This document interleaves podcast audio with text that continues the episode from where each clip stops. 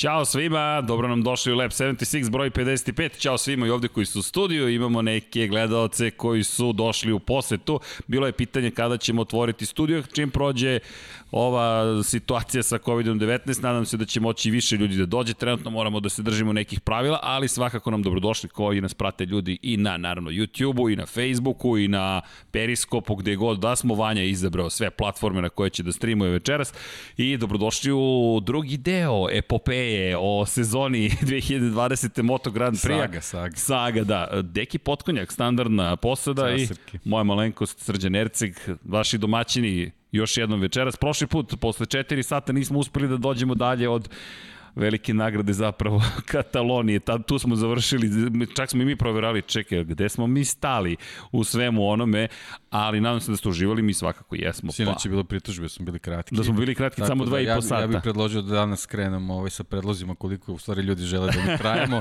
pa ćemo naći neku zlatnu sredinu. Da, čujte, mi uživamo, tako da ne zamerite, neki put je to možda sat i po, nemoguće, neki put je to dva i po sata, to je moguće, neki put tri, neki put četiri, ali svakako se lepo zabavljamo, nadamo se da se i vi zabavljate sa nama. Danas na programu Moto Grand Prix standardno, nema nešto novih vesti, nastavit mi ćemo završiti naravno celu priču Vanja, jer nam studiju dobro, ne nešto je palo, samo ne znamo šta, ali delo je da je sve okej, okay. Dakle ipak smo na kraju univerzuma, a kada govorimo o onome što nas čeka, dakle pregled ostatka, što bismo rekli sezone, možda sam ja nešto čuo ovde da je mikrofon pokupio, verovatno, činjenica je dakle da nas čeka završnica sezone, nismo još sve to pregledali i prošli od vesti, međutim moramo da se dotaknemo nekoliko vesti, mada kada je reč o Moto Grand Prix-u, nažalost nemamo pozitivne vesti, ne mogu da kažem ni negativne svakako jesu, nadam se da neće biti na duže staze negativne. Mark Marquez, deki, pričali smo o tome. Svaki put pričamo. Da, nažalost, da. situacija je onako kako smo se pribojavali da će biti. Treća operacija obavljena, ovoga puta u bolnici u Madridu. Dakle, nije operisan u Barceloni kao prva dva puta, poverio je sada operaciju ekipi iz Madrida. Nažalost, posle operacije koja je trajala 8 časova, dakle da se reparira praktično ruka desna i nadlaktica ruke, je došlo do infekcije. Infekcija koja sama po sebi je ozbiljan problem mi imamo neke sportske situacije iz skorije istorije iz drugih sportova gde, gde znamo da su ljudi uspeli da savladaju čak i te probleme, ali ovde govorimo o, o, o, o dodatnoj, o pogoršanju situacije i dodatnoj komplikaciji. A, meni je a, mnogo žao i krivo mi je što smo generalno, a, kad se zakomplikovala čitava situacija na početku sezone još, ovaj, što smo nekako naslučivali da neće proći baš, baš najbolje ovaj, i nažalost eto, neke, neke naše slutnje su se i u tom smislu ovaj, obistinili i mogu reći, mislim, uopšte nisam ponosan na to, ali jednostavno ovaj, sve je tako izgledalo. Meni zaista od prvog trenutka to nije dobro izgledalo, ovaj, nažalost eto, ispostavilo se da, da, da je moralo da dođe do te, do te treće operacije. Tu nam samo preostaje sad ta nada, kao što ste rekao, da će to da, da, da će brzo da prođe, a ja se pre svega udam u, uzdam u, u, u Marka Markeza i, u ovaj u neku njegovu filozofiju da će on uspeti to da pregura na način ovaj, kako on to ume da, da uradi. Da, najnovija njegova objava na Instagramu je pobednička. Dakle, rekao je, nema predaje, pošlo, poslao pozdrave svima, zahvalio se za podršku koju dobija i mi zaista očekujemo čudo. Znamo koliko je ovo sve kompleksno i koliko će biti zahtevno za Marka Markeza da, da se oporavi, ali nema predaje. Govorimo o osmostrukom svetskom šampionu, zastava je ponovo tu, baš zahvaljujući toj činjenici da ćemo pričati i o Marku Markezu, sezona koju ćemo ponovo sagledati, to je ovaj drugi deo pregleda sezone je obeležen od početka do kraja, odsustvo Marka Markeza, ona scena u kojoj smo pričali prošli put, prazna stolica u njegovom delu garaže, dovoljno govori o tome. Ono što je fascinantno jeste da je po završetku sezone prezentovao kacigu još jednom, koju je trebalo da koristi u 2020. Dakle, nema odustajanja, osmočasovna operacija inicijalno je rečeno da je uspešno prošla, potom je otkrivena infekcija, nažalost možemo samo da, da čekamo. Šest meseci je prognoza za oporavak, deki šest meseci od ovog momenta, to je praktično početak maja. Ja se iskreno nadam da, da je to saopštenje u stvari tačka oporavka, do tog trenutka ćemo krenuti uzlaznom putanjom, ovaj, imamo eto neki primjer, ja ponovo moram da ubacim Liverpool u čitavu priču. ne sumnjivo znači, je i zastava Virgil je van Dijk povreda ukrštenih ligamenata, prognoza koliko će trajati oporavak, kad će početi s treningom. Veliki Virgil je počeo ranije sa oporavkom, počeo da trenira, eto ja se nadam to, to je taj, taj neki mentalitet tih velikih sportista, velikih šampiona, Marquez bez sumnje spada, spada u tu grupu, eto ja se nadam da će, da će ti šest meseci nekako ipak da, da, da, da budu kraći, ali samo želim da od ovog trenutka kad smo dobili tu informaciju da je tog trenutka krenula uzlazna putanja sa, sa njegovim oporakom. To je u ovom trenutku samo najvažniji, nadam se da ćemo dobiti potvrde što se toga tiče. Ne znam koliko pratiš američki futbol, konkretno NFL ligu, ali Alex Smith je neki najsvežiji primer čoveka koji je da, preživeo... Da, tamo, tamo kad su povrede baš su teške, yes. da, baš, baš... U njegovom slučaju da. povreda kolena koja je dovela do toga da ima 14 operacija. Čovjek je 14 puta operisan, između ostalog imao infekciju rane, povrede kolena. Imao je mnogo problema na putu oporavka. Pre dve godine je doživio taj prelom noge u momentu kada je prešao u ekipu Vašingtona. Vašington u to vreme Redskins i sada Vašington bez imena tim, ali tim koji je uh, podržao Aleksa Smitha, Ron Rivera je došao kao novi trener i dao mu priliku, nažalost, drugi igrači su se što povredili, što nisu igrali kako treba. Alex Smith izašao na teren i prethodnog vikenda, do tada ne pobeđene, Pittsburgh Steelers se pobedio. Veliki šampion, to je to. To je to. to. Je to. to je taj pobednik, to je taj mentalitet. O, ja, ja u slučaju ovaj, Marka Markeza stalno, stalno razmišljam o Duanu. O čoveku koji je da. imao da. ovaj, jednostavno nekako je e, priča jako slična. O, povredili su se otprilike 27 godina, jedan i drugi su imali u trenutku povrede. Duan je takođe imao infekciju e, tokom oporavka i naravno sve je pregurao, sve je prebrodio ovaj, osvojio je pet titula posle toga, borio se, on je imao posledice, je osjećao sve vreme ovaj, nastavka karijere, ali eto, jednostavno prebrodio i uspeo da dođe do svog cilja. Tako ja se nadam da, da Marquez, naravno, koji, koji ima ciljeve koje mi možda ne možemo da zamislimo šta se želi da postigne Moto Grand Prix, da jednostavno da će to biti ta neka ideja vodilja koja će mu pomoći da, da, da prebrodi sve ove probleme. Pa kada pričaš o Miku Duanu, kada govorimo o legendi koji jeste, evo ga Mik Duan iza, dakle, veliki Duan je potpisao specijalno za nas, dakle, ovo je bila radost u Brnu, je bila specijalna prilika kada je sam Moto Grand Prix organizovao potpisivanje i imali smo priliku prosto i medijem potpisivao, to je moment koji se ne propušta, odeš po svoj poster koji ti, mada je meni napisao, reći se šta je napisao, tu Sergan. Serđan. Tu Sergan. Serđan, Opa, da. zaglavio sam kabel ovde u mikrofon. Napisao je Serganu, ok, za njega ću i da promenim ime, bit ću Sergan, tako da nije nikakav problem. To je inače neka pošalica sa granice kada su se iskombinovala imena i prezime, pa sam postao Serđan. Ali nema veze, Serganu je potpisao Mik Duan, ele, Mik Duan je osvojio pet titula za redom. Iza tebe se nalazi kačket sa znakom Repsola, veza postoji direktna između Mika Duana, Repsola i Marka Markeza, baš kada je Mik Duan vozio za Hondu, to, to je bila HRC ekipa Honda Racing Corporation i doživeo je vrhunac svoje slave, tada je potpisan taj prvi ugovor sa Repsolom i nekako je on počeo da proslavlja Hondu Repsol, odvajamo specijalno vreme pre nego što nastavimo sa pregledom sezone zaslužuje, pogotovo Mark Marquez, pet titula šampiona za, za Mika Duana, vozio je samo u 500 kubika, međutim ono što je fascinantno kod Duana, Australijanac se pojavio 1989. i odmah je bio brz. On je već u svojoj šestoj trci u šampionatu sveta bio na poziciji broj 3. U vremenu kada smo imali jednog Vejna Reni, jednog Kevina Švanca, jednog Rendija Mamulu, kada smo imali zaista velikane. 500 500 Trebalo je to savladati. Da, da, da. To su čuvene 500 Pričali smo o njima u prethodnim podcastima. U toj eri on se pojavio i sjajno vozio. I te, I te godine je bilo problema. Inače, čovek koji je u Superbajku zapravo došao najpred do izražaja, vozio je samo četiri trke u svetskom šampionatu u Superbajku. Pobedio je tri. Potpuna dominacija. Inače, to je bilo 1988. na Yamahi, to je ono što je zanimljivo. I onda je došao na Hondu u svetskom. Čisto Yamaha ima ta istorijat kada ne preuzme određenog talentovanog momka, nego prepusti drugima da, da potpišu ugovore.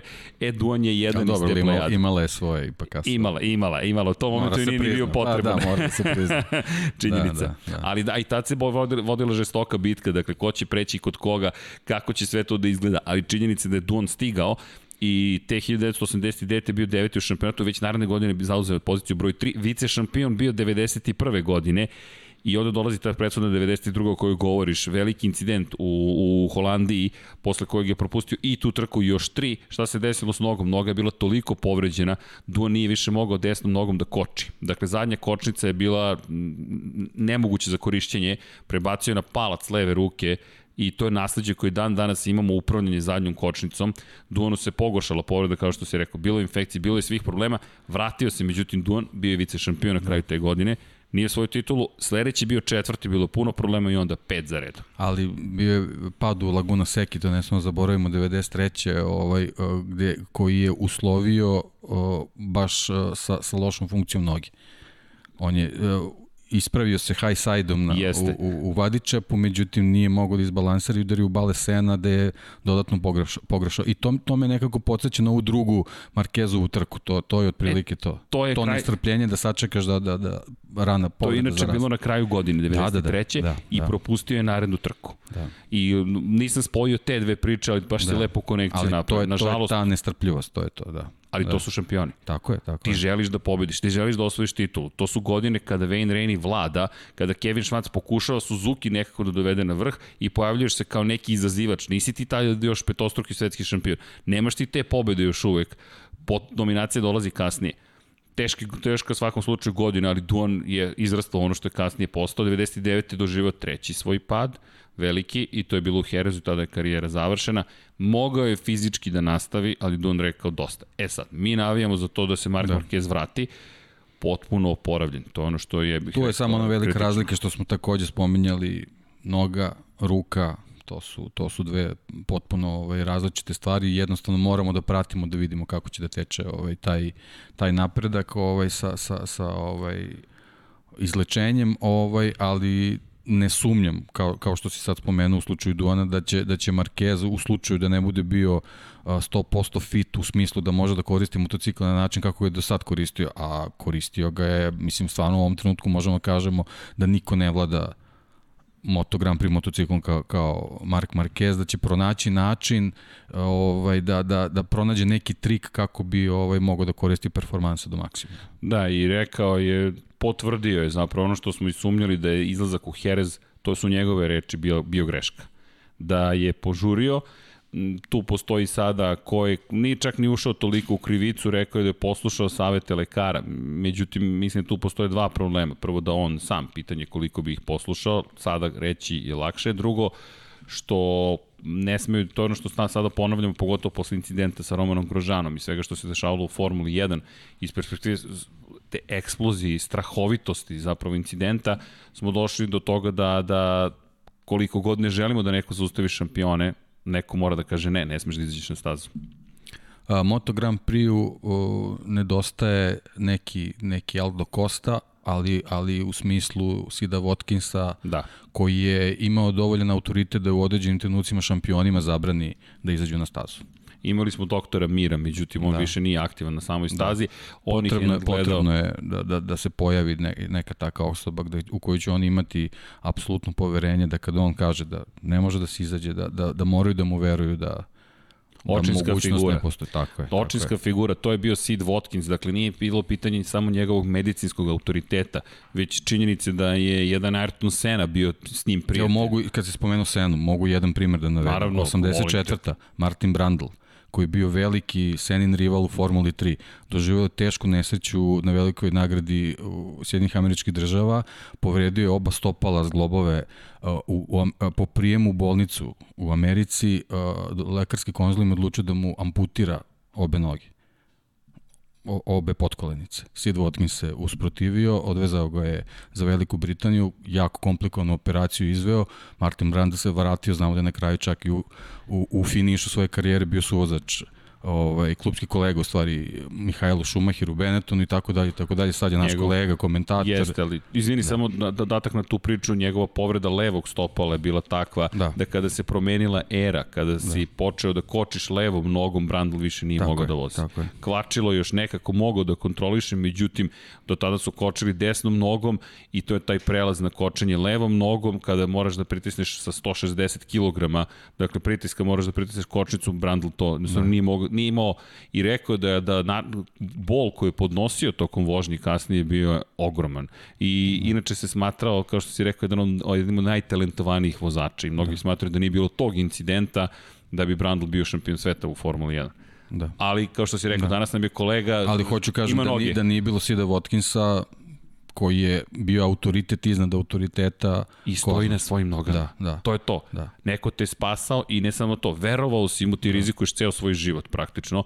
To nedostaje, slažem. Tako to, je to... I, i ta veza sa Ayrtonom Senom jednostavno ako jedan od najvećih svih vremena njemu veruje, onda drugi tu nemaju šta da, šta da traži, šta da, šta da, ovaj, da, da postavljaju neka potpitanja. Tako da to je nešto što te, treba Moto Grand Prix. Da, i Marquez, držimo mu palče. Naravno, ne, apsolutno, apsolutno. Kažem, ja želim da od ovog trenutka samo pozitivne vesti dobijamo i pozitivne slike i saopštenja. I to je, i postoji taj moment kada se nekako promeni plima, što kažu promeni se vetar. Dakle, kod Aleksa Smitha smo to imali koga smo spomenuli, samo loše vesti, loše vesti, loše vesti, loše vesti, loše vesti, onda kreće jedan moment kada dobije dobiješ samo slike iz bolnice, zaboravljeni Alex Smith, hoće li ikada potrčati, hoće li ikada više izaći na teren, porodica, porodica, porodica, prvi trening, drugi trening, treći trening, Alex Smith nosi opremu, Alex Smith dobija neku vrstu probe sa Washingtonom, Alex Smith ulazi u, u rezervni tim, ulazi u prvi tim, Alex Smith izlazi na teren, gubi bitke, pobeđuje Steelers.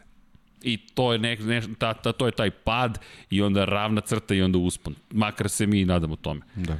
A i još jednom podsjetnik, svaki put to kažemo na početku, ljudi, vodite računa jedni u da, drugima, da. bacite pogled na humanitarni kutak u opisu na YouTube-u, mi njih sada pokušamo da pomognemo, ali kao kažem i Dom Pablo, skupljen je novac izgleda za, za Minju, ako sam dobro razumeo. Super, najpromenit ćemo description da. za neko drugo dete ili kome god da treba pomoć.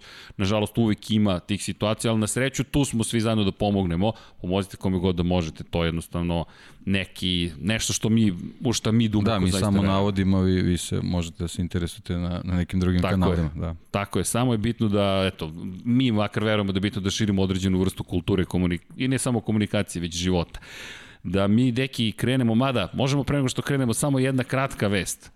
Juan Pablo Montoya u McLarenu ali da pojasnimo u kom da. Lepo zvuči, da, da. Juan Pablo Montoya u McLarenu. Verujem da, bez obzira što pričamo o Moto Grand Prix, samo kratak skok. Pa ali... dobro, kad, ono, kad nemamo vesti neke ovako specijalne za, imamo, za dva čekaj, točka. to je da, Juan pa da, Pablo. Da, da, da, to je to, imamo Dom Pablo, je, moramo Juan Pablo da spomenemo. Juan Pablo Montoya, čuveni vozač, što Formula 1, što Indikara, što Champ Kara, pobednik dvostruki na 500 milija Indinapolisa, pobednik velike nagrade Monaka, još na 24 časa Lemana da proslavi pobedu i Pa sprema se za to praktično. Sprema se. On je, on je aktuelni šampion u, u, u američkim serijama trkama izdržljivosti, tako da... Ovaj... A samo da pojasnim, da. McLaren na 500 da. milija Indianapolis. Da, to je, to je stvari, to je vest. Da. dakle, možda smo prevarili da. neki koji nisu ispratili, neće biti u Formuli 1, ali opet Juan Pablo Montoya se dokosi već Juan Pablo Montoya ponovo na Indiju. I to je meni super da vidimo šteta što neće biti s Fernandom Alonsom, bit će to vjerojatno najstariji Ali dobro, ali super je, eto, vraćaju se ovaj, praktično obojica u neku našu žižu da možemo da ih pratimo. Pa jedna od glavnih da. šali je da li će biti da. na testu mladih vozača u Abu Dhabiju. da, to je neka moda postala, neki trend. Da, da, da, da. Ali da mi krenemo, da, da se mi vratimo Moto Grand Prix i da se mi bacimo na trku koja je došla posle velike nagrade Katalonije. Dođe smo mi u Le Mans. Za one koji su propustili prethodni maraton 4 časa smo pričali o prvim trkama se prvim trkama sezone. Čujte, pričali smo o prvoj praktično polovini. Došli smo do poslednjih šest trka godina i tu smo zastali. Mi se nadamo da eto, ako nam je prosek za koliko? Za sedam trka, Na, ne, za 8, za 8 trka, ako nam je prosek 4 sata, pa dobro, 2 sata, dve trke to, po satu, okay, da, za 3 da. sata, Vanja, za 3 sata. Ne, ne smemo sad mnogo dugo, zato što će se ljutiti, ljutiti ljubitelji Formule 1, smo sinoć bili kratki. tako da ovaj, moramo da držimo taj neki, ovaj, da, kako beše, 2 i po, tako 2 i po do 3, pa, da. To, ali ja verujem da ćemo se svi radovati koliko god da treba, makar se mi nadamo da se radujete. Ono što smo rekli, problem je što toliko uživamo. Nama je lepo ovde, dakle mi ne bismo ni izlazili, ali ponekad moramo nego mi u toj Francuskoj smo doživeli šta? Dođe smo mi u Francusku, u tom momentu velika pobeda Fabija Kvartarara, veliki pad Valentina Rosija, međutim mi stižemo na veliku nagradu Francuske nekako u momentu kada se čini da se lomi sezona, kao da je ta trka jedna od važnijih, s obzirom na činjenicu da je to kraj tog jednog perioda, da je zapravo početak Fran Katalonije, kraj jednog perioda, Francuska početak novog trilinga trka. Francuska Aragon Teruel u razboru od 15 dana, 17 ukoliko računamo treninge i posle toga Evropa, Valencija, Portugalija dolazimo u momentu kada je nekako inicijativa, možemo reći, kod Fabio Kvartarara, Fabio koji je u tom Dolazi momentu... na domaću stazu.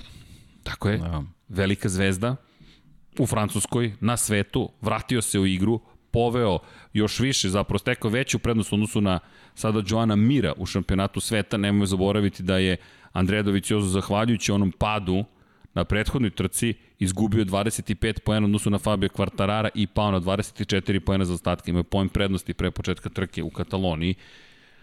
Još jedan od onih čuvenih incidenata. Fabio Quartararo zabeležio triumf i stigao u Francusku kao neko ko bi sada trebalo da uradi sve ono što se najavljivalo na početku godine kad zabeležio dve pobede. Da, ali, ali dolazimo u Francusku u kalendarski period gde smo već posle ovaj, Katalonije slutili da oblaci baš neće biti naklonjeni. Čekaj, kada je Le Manu, kada su Le Manu da. oblaci bili naklonjeni bilo to, kome? Upravo to, Ali bilo upravo kada. To, čak i, i u regularno vreme održavanja je rizično kako će vreme biti. 24 časa Le Mana. Ko prati, mi vam preporučujemo pratite. Mi pretpostavljamo da ćemo tada, ako se ispune sada sve, sva naša očekivanja i poklope sve zvezde, možda raditi taj, to baranje rekorda. Samo da znate, u internoj komunikaciji ovde se istražuje ozbiljno ko drži rekord. I postoji čak, ako sam dobro dobro video The Longest Podcast in the World. Dakle, da, da. To će, ta titula će biti skinuta. Da studiju na kraju univerzuma to skida. Samo moramo da imamo u Guinnessovoj knjizi rekorda pa, koji su da, propisi. Da, ovaj, studiramo i ta uputstva da vidimo kako trebamo da se prijavimo i tako dalje.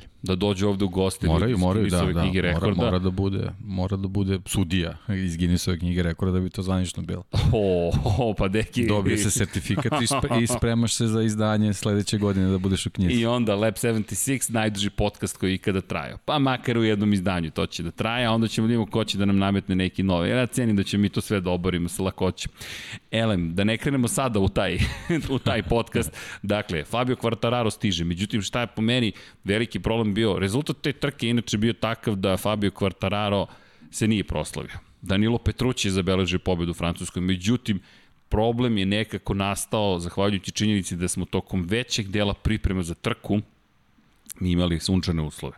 Mi zapravo nismo dobili ono što smo očekivali, nego smo tek trećeg dana, kada je došlo vreme za trkanje, ušli u situaciju da se menju vremenski uslovi. Kada je reč o suboti pre svega, u petak smo imali loše uslove, to u Moto dvojici će to biti važna priča, s obzirom na činjenicu da je na treningu broj 2 Luka Marini doživio jedan od najgorih incidenata ove godine i zapravo da je tu možda okončana njegova bitka za osvajanje šampionske titule. Međutim, subota je bila savršen dan za pripremu i najve meteorologa su govorile biće sunčano. Biće sunčano, to se na kraju nije desilo. To je bilo je, ali baš i ne. Da, da ali, ali dovoljno da, da pokvari, što kaže, sve te pripreme i vezano naravno za Le Mans, ono što je neizbežno mnogo padova, spomenuo si Marini, ali imali smo ovaj dosta toga i u, u, u Moto Grand Prix u Moto Grand Prix ovaj čime jednostavno i na taj način ovaj motociklisti nisu mogli da se pripreme za samu trku tako da sve to uticalo na, na neke konačne ishode koje smo imali kasnije. U svakom slučaju dođe smo mi do dana trke. Kada pogledamo jutarnja zagrevanja, kada se pogledaju, nećemo baš ulaziti u svaki krug. Za prvu trku smo morali nekako, to je prosto bilo neophodno, ali kada pogledamo uslove koji su vladali, toliko je bilo hladno zapravo, da su morali da pomere Mor, nije toliko bio problem samo da li će biti padavini ne. Morali su da pomere zapravo početak treninga jutarnjih da bismo došli u situaciju da da vozimo u nekim pristojnim uslovima. Dakle, tu smo već došli do situacije da moramo da pomeramo treninge po jedan sat unazad. Čak i u Valenciji smo pomerili te treninge kako bismo došli do toga da može da se vozi trka.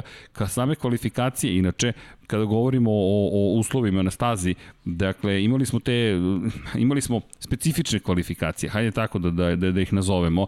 Danilo Petrući se probio kroz Q1 do Q2, Danilo Petrući koji je osvojio poziciju broj 3 i za Fabio Quartarara i Jacka Millera nekako je sve ličilo na to da, da, da bi trka trebalo da ide na ruku Fabio Quartararo. I kada smo pogledali jutarnji trening, bez obzira na, na činjenicu da je bilo, da je bilo problematično vreme, Franco Morbidelli je bio na poziciji broj 1 na Petronas Yamahi, gde opet nekako gledaš ka Petronas drugoj Yamahi i govoriš, hm, ovo i dalje može da bude vikend Fabio Quartarara. U treningu broj 4, Quartararo, Morbidelli, Vinales, Rossi. To je poredak vodeće četvorice u treningu broj 4. Yamaha, Yamaha, Yamaha, Yamaha. Deluje kao da ih ništa neće zaustaviti. Kada govorimo o vremenskim uslovima, staza 22 stepena Celzijusa, spoljna temperatura 15 stepeni Celzijusa, sve govori u prilog tome da ćemo gledati Yamahu. Trening broj 3, ko je najbrži? Fabio Quartararo na Petronas Yamahi. Ko je treći Franco Morbidelli na Petronas Yamahi? Između njih KTM Miguel Oliveira, na poziciji broj 4 Jack Miller na Ducatiju, pa Karl Kračlow i Joan Zarko. Zarko negde možda očekivano, ipak je domaći vozer. I ti treninzi 3, 4, pa jutarnjeg zagrevanja, su nas nekako, rekao bih, rekao bih da su uticali na sve nas. Ono što smo mogli takođe da vidimo je odsustvo zapravo vozača. Čak Fabio Quartararo u prvom treningu nije ni previše izlazio na stazu. Bradley Smith je zauzeo poziciju broj 1 i kao da su svi očekivali ipak da će se ispuniti meteorolog, najave meteorologa da ćemo dobiti jednu klasičnu trku po suvom, voženi trening u jutarnjim časovima po suvom, mi smo na kraju dobili trku po kiši i temperatura staze bila 14 stepeni Celzijusa. Gotovo nemoguća misija. Na kraju smo videli briljantnu vožnju Danila Petrućija, koji je došao do prve jedine pobede u sezoni, ali nekoliko bitnih trenutaka kada je reč o borbi za titulu šampiona sveta, Fabio Quartararo protiv Joana Mira. Meni je ona bitka, ne znam da li se sećaš se naravno, ali nadam se da se i oni koji gledaju, da se gledalci sećaju, taj moment, to je baš bila šampionska bitka. Joan Mir koji je u naletu, koji dolazi kao neko ko bi mogao da izazove, već smo tad pričali Mir bi mogao, Mir će osvojiti titul, toliko je konstantan i tu se lomi, 8 poena zaostaje za kvartararom. Mi dođemo u situaciju, ni jedan ni drugi nisu vozili po kiši, imaš trku po kiši i ti se boriš za poziciju broj 9 kao da je za pobedu. Pa upravo to što si rekao, ni jedan ni drugi nisu vozili po kiši i tu smo u stvari uh, uh, priželjkivali da vidimo kako će se snaći i, i kakav je šampionski kov jednog i drugog. Baš, baš zbog te vožnje u nekim uslovima na koje nisu navikli. I bez obzira koja pozicija bila, upravo to što kaže, baš smo uživali u njihovom duelu upravo zbog toga da vidimo kako će se snaći u toj situaciji. Tako da, da je bilo veoma zanimljivo. Naravno, imali smo ovaj padove na, na, na, na trenizima, sećaš se Mir, ono, Mir koji je... njegovo. Da, znači jednostavno bili su, a nekako su bili u nalet tu vezano i, za trku u Barceloni i za prethodne izdanja, ono vezano za Mizano, o, Quartararo je morao, što se tiče Mizana, da se uzdigne, uzdigao se pobedom u Barceloni, znači sve, sve je vodilo ka tome da, da možemo da dobijemo ovaj obojicu koji su veoma raspoloženi, naravno sve druge, i ponovo, bila je nada da će Ducati da uradi nešto, ali ne, ne taj Ducati, da, nego jedan drugi. Da, se pojavlja Danilo da, Petrući da, da, da, u uslovima. Inače, izbor gume je tu bio kritičan. Ako se vratimo na izbor pneumatika, dakle, u toj, na toj trci, Danilo Petrući koji je vozio te fascinantno konstantne krugove, pozadi meka guma, napred srednje tvrda guma, srednje tvrdoće. To su gume za kišu. Dakle, imamo dve tvrdoće. Imate srednju tvrdu, imate meku. Pozadi bira meku gumu. Andrea Doviciozo, koji bi trebalo da se vrati u igru za, za, za titulu šampiona sveta, prednja guma, meka guma koja se do kraja trke pregrejala. Jer krugovi, kada pogledamo krugovi, krugovi su bili kod Dovicioza prilično konstantni. Međutim, taj moment kada je trebalo spusti ispod 1.45, to mu je nedostajalo negde na kraju i, i prosto nije mogao. A u naletu, pri čemu samo da, da ne zaboravimo taj moment, samo da, da zapravo završimo priču o Kvartararu i, i, i, i, i toj bitci za sedmu poziciju. Mene je oduševila ta bitka, posmatrali smo je svi kao da je bitka za pobedu. Zašto će biti bitka za pobedu važna? Alex Marquez je prošao kao drugi kroz cilj. Alex Marquez je tad izbio nekako do, Mislim, plan. generalno vezano, vezano za tu čitavu priču, taj raspad, moramo spomenemo uh, Rosijev pad. Na početku same trke. Dosta poremetio, poremetio domine. Da, domino da, efekt da, je bio ogroman. Da. Izvini, ovo moja kafa, pretpostavljam da jeste. I, i čaj je čaj, moj. Da. Ah, hvala, deki, vi ste... Pa imaš dva, dva ovaj, podmetača. Pa je, pa je to tako pripremljeno. Pa da, da. Hvala. Da, ali početak trke jeste obeležio pad. Rosijev, treći za redom. Dakle, posle Mizana 2, posle Katalonije, sada jedan potpuno drugačiji pad. Jer pad u Mizanu je bio prouzrokovan u, na početku trke u momentu kada on nije dobro osjećao motocikl. Pad u Kataloniji je u tre, poslednjoj trećini trke kada on želi kad da se bori za pobedu. Da, Tako da, je. Da. Kada kreće agresivno. Da, a ovo je ono. Ovo je da. jedan od onih momenta koji ne očekuješ da će mu se desiti. Ovo je kao Barcelona prošle godine. Jeste. I ti ulaziš u situaciju u kojoj ti padaš, ti praviš grešku i utičeš na trku velikog broja vozača iza sebe, potpuno je razbio nekako poredak, taj Rosijev pad i to u najgore moguće mesto, krivine 1, 2, treća u levo, pa izlazak da, jako, jako je teško tu za svi koji su ga izbjegali da se vrate ovaj, na, na putanju, tako da prilično je poremetio poredak, ali eto Petrući je to iskoristio, mislim sjajno je pre svega krenuo, to, to, tu treba Petrući ovaj pohvaliti, njegov start, start je bio izuzetan. Pa ono što je bilo fascinantno iz te perspektive vozača koji su imali problem na, na, na samom početku trke, dakle kada pogledaš kasni napredak kako je funkcionisao, ima tu vozača koji su bili, čak ne mogu da kažem da je toliko uticalo na njih do kraja kruga, ali na samom početku, ko se tu snašao, šta se desilo? Pogotovo je Mir bio u problematičnoj situaciji. Da, da, Mir, je, da. Mir je baš pao nisko na 15. poziciju i Mir je imao ozbiljan posao. U jednom momentu 16 je čak bio, pa je pao još niže, pa je u jednom momentu bio čak Čini mi se Vinjales i Mir su stvari najviše tu. Tako, tako je, tako Vinjales, se, da, Vinjales je bio da, pred poslednji, da. samo je Tito Rabat bio da. iz, iza Vinjalesa. S druge strane, Mir je Vinjales... otišao za desne strane i ozbiljan je luk pravio da bi se vratio na putanju. Da. I na kraju je Mir pao na poziciju broj 20 u jednom momentu. I onda kreće njegov uspon od nekog sedmog kruga, kreće po, da vozi brže i brže i brže. I on nekako i Vinjales počinju da, da, da napreduju. Vinjales međutim staje u jednom momentu, počinje da napreduje kasnije u zamoj završnicu. Poslednjih osam krugova zapravo Mir nekako dolazi do izražaja, ali nije samo on došao do izražaja. Broj padova koji smo mi imali je opet potvrdio koliko je Le Mans zahtevna staza. Inače, vidim da je sad izašla statistika ko je koliko padao tokom sezone. E, ne volim baš te da. statistike, da. to mi neko deluje ne mogu kažem baš nevažno, ali mi nije toliko pa bitno. Pa da, ne znam, ne znam kao je to, Zarko je kao opet nešto. I šta nam to šta, govori? Da, da. Šta ćemo to s time? Nije, šta pada? Mislim, poenta je u tim nekim ključnim padovima. To, to je bitno. Pa, jedan od da li si, da li si upropastio svoju trku i, i neču još, a sad da li tu bilo ovaj, više manje nekih nebitnih, da ih tako, mislim, naravno, jedan pad nije nebitan, ali sam broj ne mora to ništa da znači. Pa, meni ta statistika ne govori previše, iskreno. Dakle, ako govorimo, može jedan pad da bude kritičan. Dva pada ove godine, tri, ajde, možemo da kažemo, su obeležila Rinsovu sezonu. Jedan u kvalifikacijama, dva u trkama, jedan na Red Bull ringu i na ovoj stazi. Međutim, samo da spomenemo, Mir koji je napredovao, došao do te bitke, na kraju sa Kvartararom u poslednjem krugu, oni se tuku bukvalno za poziciju. Na kraju to je, to je ozbiljna bitka da bude ko će biti deveti. Ko će na kraju biti na poziciji broj 9, koja donosi 6 poena. Dakle, mi govorimo 7, izvinjam se, poena. I mi govorimo o tome čekaj, ovde je bitka za poen. 8 poena razlike između dve dvojice šampionata. Oni se bore za devetu poziciju. Oni zostaju 15 sekundi da, jedino što je možda Kvartararo u tom trenutku shvatio koliko je svaki poen bitan, a Mir je od od trenutka kad se vratio na stazu posle Jeste. svojih problema na startu sezone je shvatio da je, da je ovo pa, šampiona gde bukvalno svaki bod Deki do kraja veliko, godine nije da. ostao bez bodova ni jednoj trci Mir. Da. I Mir u tom momentu zajedno sa Kvartararom bije tu bitku, to koristi Vinjales koji se umešao, ušetao između njih dvojice i rekao, ok, momci, moja pozicija je broj 10. To je problematično, dakle da je 10, ali opet to je neka bitka i u toj bitci činjenica gubi protiv druge Yamahe, ali dobija konačno budućeg šampiona sveta. I to je jedan od loših plasmana Johna Mira, 5 poena osvaja. Međutim, čiji pad je kritičan?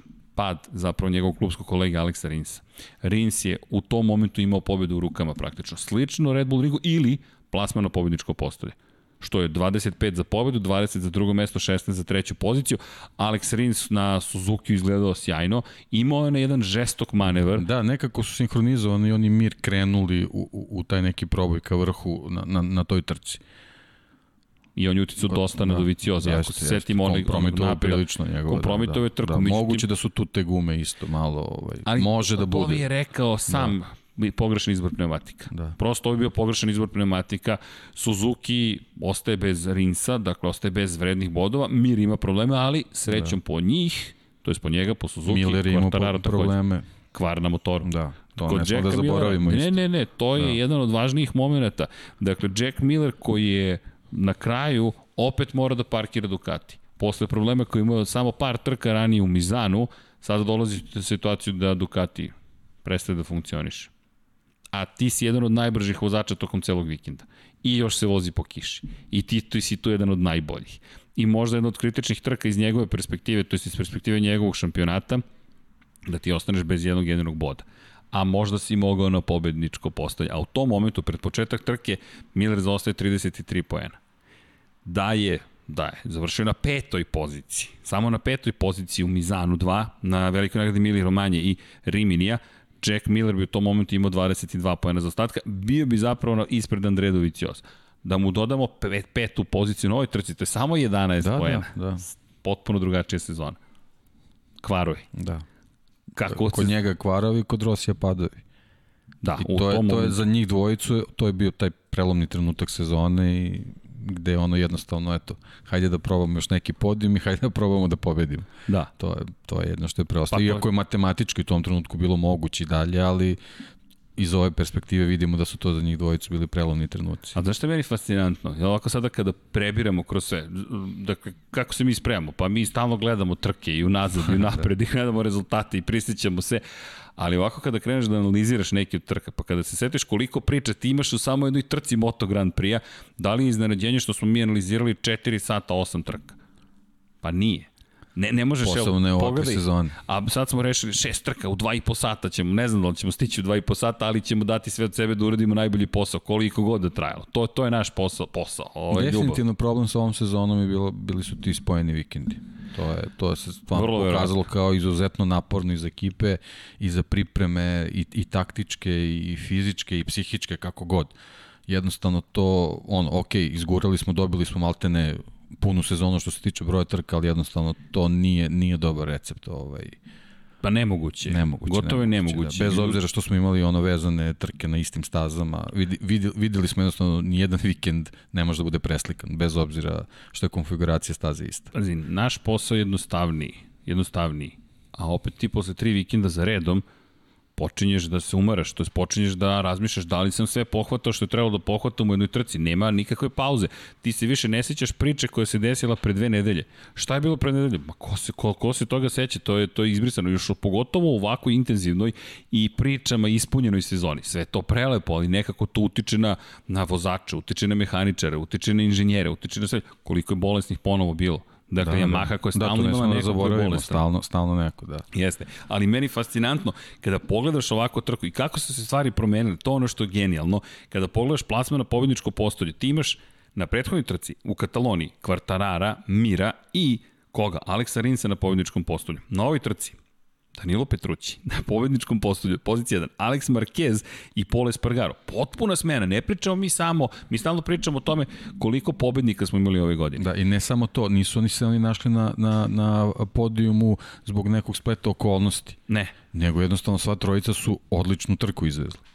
Bez obzira na, na, na, na ovaj plasmane ostalih i, i njihove performanse.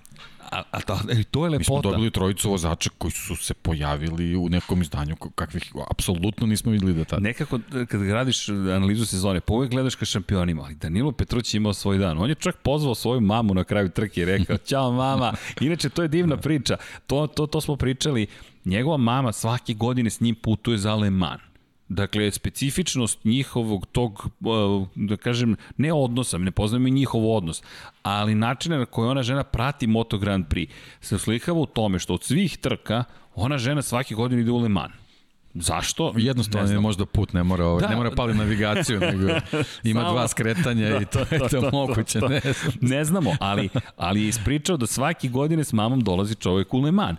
Ove godine zbog covid prvi put mama nije u Le Mansu i on slavi svoju drugu pobedu u karijeri. Prva je bilo u Muđelu prošle godine, druga ove godine u, u Le Mansu. To su kultne staze. To su kultna mesta, to su prelepi ambijenti, bez obzira što je Le Mans problematična po brojnim pitanjima. Kada je publika tamo, ljudi, to je, pa ne znate da li ste stigli na bezbedno mesto. To, to onako deluje ponekad u pola noći zastrašujuće, ali ste na pravo mesto, samo treba da volite automotosport.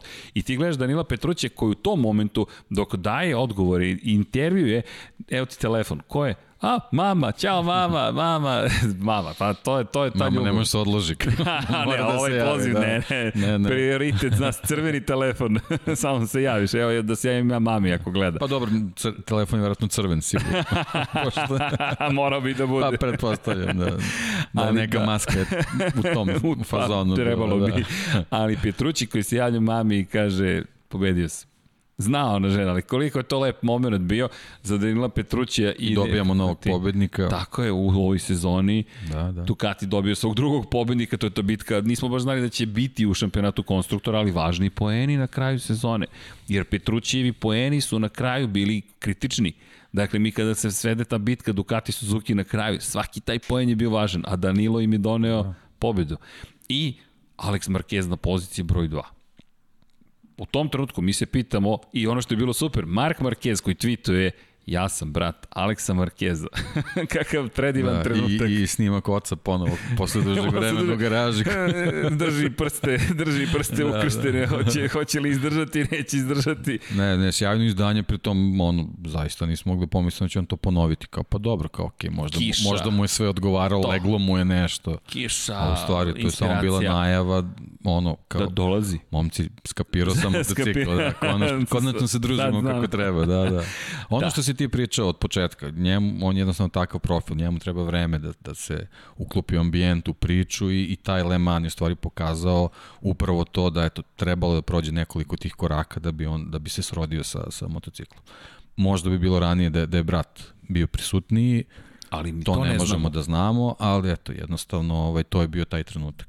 A I često je govorio Mark, Alex je talentovaniji od mene. Mi mu baš da, i ne verujemo, ali ne sumnju postoji ja, ja tu izjavu, mi ono stalno kad nešto pričamo o njima, to mi ono... Pa ti često ističeš. Često, često, često mi to i čekam da vidim da li će biti taj trenutak da, da Aleksa vidimo. Ovaj, evo, evo imamo priliku već sledeće sezone. Ovaj, to je... A da li si u jednom trenutku pomislio kada je na sledećoj trci u Aragonu bio drugi, ok, dobi smo mi još jednog Markeza koji bi da. mogao stalno da bude... Pogledaj ti samo LCR sledeću sezonu kakav tandem ima. Takaki Nakagami i Alex Marquez na fabričkim Hondama za 2020. Pri baš Nakagami ovih dana, juče, da, Jesi vidio koliko hvali? Intervju koliko hvali Kala Kračlo. Koliko hvali da. Kal, a pazi, Kal koji ga je ne kritikovao, nego bi pomislio Kal Kračlo ne da. podnosi ovog čoveka. Ne, ne, ne. Kal Kračlo kao, meni liči na Helmuta Marka iz perspektive izjava. E, ne voziš dovoljno dobro. To je konstatacija, nije ništa lično. Ne, on ne vozi dovoljno dobro. Po onome što ja vidim nije dovoljno dobro ok, sledeća trka, sad je dovoljno dobar. A sledeća trka nisi dobar, nisi bio dobar. Nema uvijanja. Ja, to, to ono tako što je rekao, da, kaže, jednostavno nije mogo da se navikne na tu situaciju, ti neko iskreno govori šta misli.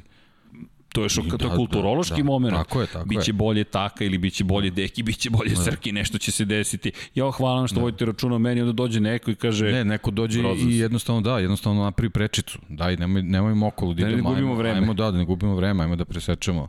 I, i, ali to je i lepota i, i ali, svaka ali, čast dobro, takav je sport.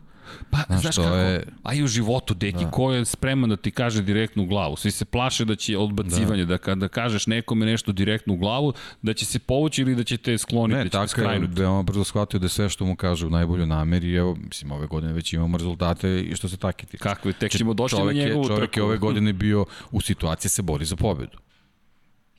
Ti bukvalno, bukvalno si od početka sezone govorio da je on taj sledeći pobednik koga čekamo zašto bi ga spominjao? Mislim, ne, ne, nije bilo razloga, nego, nego njegove izdanja su tak, ono, poč, počešći od Hereza. Znaš kada? E, to sam htio ti kažem. Herez 2, velika nagrada Andaluzije. Njegova transformacija iz vozača koji spašava karijeru i povremeno nešto može da postigne Japanac koji ima podršku Honda u čoveka koji taj, ali opet se vraćamo na Marka Markeza i njegovu povredu. HRC posle njegove povrede se refokusirao na druge vozače.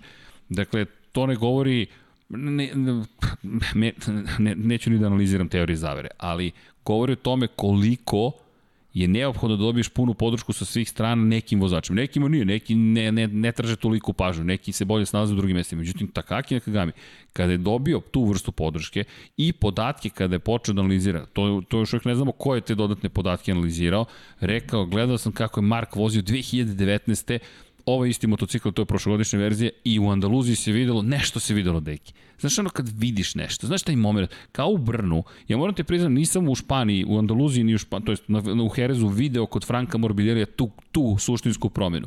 Video sam je u petak u Brnu, kada je seo i vozio krugove. Da, sa Frankom smo imali problem odustajanja zbog, zbog kvara, tako, tako da je, moguće da nije mogli celu sliku da, da sagledamo, jednostavno nam je ostalo nam je nekako na marginama. Pa da, nismo ga... Ovaj, ali u Brnu? Ali Brno je, da. da odjednom da, iskače. Da. E, a taka iskoče u Andaluziji. Da i taka koji koji koji Dobro, taj neki neki završio. fokus malo se usmeri na njega, možda to njemu možda malo i zasmetalo, ali ali okej. Okay. Ali ali jednostavno on je neke neke stvari da i, i pol pozicija kasnije i sve, aj sad ne preskačemo. Da, da, ali Alex ali Marquez će sledeće da, godine da. deliti garažu sa Takakijem Nakagami. Znači u ovom trenutku LCR i Repsol kad se pogledaju, LCR, bolje delo. Mnogo kompletniju ekipu. Da, Pole Spargaro stiže u, stiže, u HRC. Znači potreban je neki čovek. period da, upoznavanja. E sad samo se nadamo, samo se nadamo da će testiranja zimska se sprovesti po kalendaru kako je planirano da se on tad uvoza, ne da, da moramo da čekamo prvu trku da mu to u stvari bude pravi trening. Pa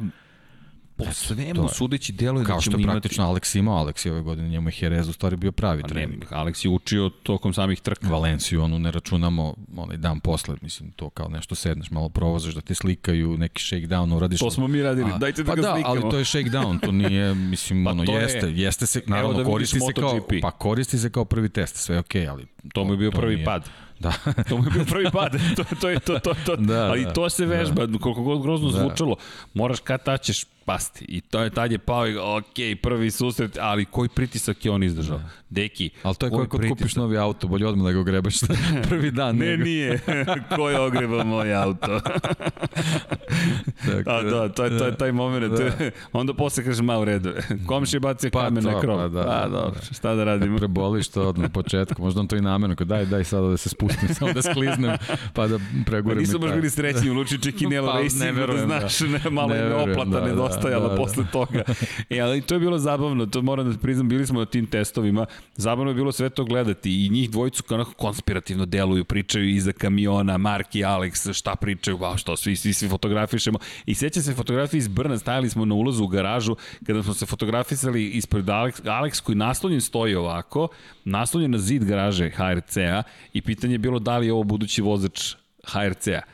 Bukvalno smo već u Brnu mogli to da osetimo i onda ga vidiš u Valenciji kako uči i slično Luki Marinu koji imao tešku trku u Francuskoj, dotaći ćemo se Moto dvojki, ti gledaš ljude koji su u senci braće, Valentino Rosija, polu brat je Luka Marini, za oni koji eventualno ne znaju, Alex Marquez, rođeni brat, očigledno, Marka Markeza, ali dvostruki šampion sveta je Alex Marquez. Luka Marini nema titulu, ima pobjede, pokazuje koliko je brz i sposoban, međutim, Alex je taj strpljiv, i kao i Luka, dosta su strpljivi, međutim, Alexovih pet minuta došlo u Francuskoj i kakvu trku je odvezao. Kakvu trku je odvezao da mi dođemo u situaciju da gledamo, pa neće valjda sad da stigne Petrućija i da pobedi, Pa, ali nije da, delovalo da, nemoguće nije delovalo momentu. nemoguće, da. Gledaš kao čekaj sad je na, na Posebno što smo na, na stazi gde ima dosta tih padova, niko nije mogo da garantuje da će Pe- Petrući izvesti Najviše. idealne krugove do kraja. prosečno najviše padova mi imamo u Le Mans. Pa da, dobro, to, Tokom to godine. u najavi smo ovaj, ovaj, to potencirali. Jeste. Posebno kad, kad su takvi loši uslovi bili tu, tek, tek se onda očekivalo tako nešto. A slušaju završnici njihove, u poređenje njihovih krugova. Dakle, najbrži krug lični je odvezao Petrući u 19. krugu 1.44.2. To je ono što je, što je Dovicioza tražio. Ta, tako je. To. 1.44.5 bi mu bilo super. Bilo bi mu bi fenomenalno. bilo fenomenalno. Ali, ali to je zanimljivo. U tom momentu Alex vozi 1.45.0. Ništa ti ne ukazuje da će se tu nešto menjati. 20. krug 44.3 za Petrućija, 44 Uh, 44-7, da, za, za Aleksa Markeza. 21. krug, 45-1 za Petrućija, 44-5 za Aleksa. 6 desetinki on nalazi u tom krugu. 22. 45-1 za Petrućija, 44-7 za Aleksa Markeza. 23. 44-5 za Petrućija. Petrući sada već mora da reaguje. 1.44-5 Alex Marquez, 24. 44-6 za Petrućija, 44-4 za Aleksa Marqueza. Pa on sad nalazi još opet dve desetinke. Petrući 1.44-6 u 25. krugu, 1.44-2. Četiri Da, to desetinke je, to je ozbiljno. Da. ti brišeš te krugove i onda je rekao na poslednjem krugu kada je za ostatak i dalje bio veći od jedne sekunde Okej. u redu. I vozio je isti krug, zapravo 5000 tinki bolji kruga Danilo Petruće. I to je moment i on je posle rekao, ej, čekaj, stani. Ali nije mogu tati da javi kao iskuliraj sve, sve. u redu, sve je okej. I opet priča sezone za, za, za, za Pola Espargara, treća pozicija. Da, dobro, da, to nam je nekako već bilo kao pa dobro, okej.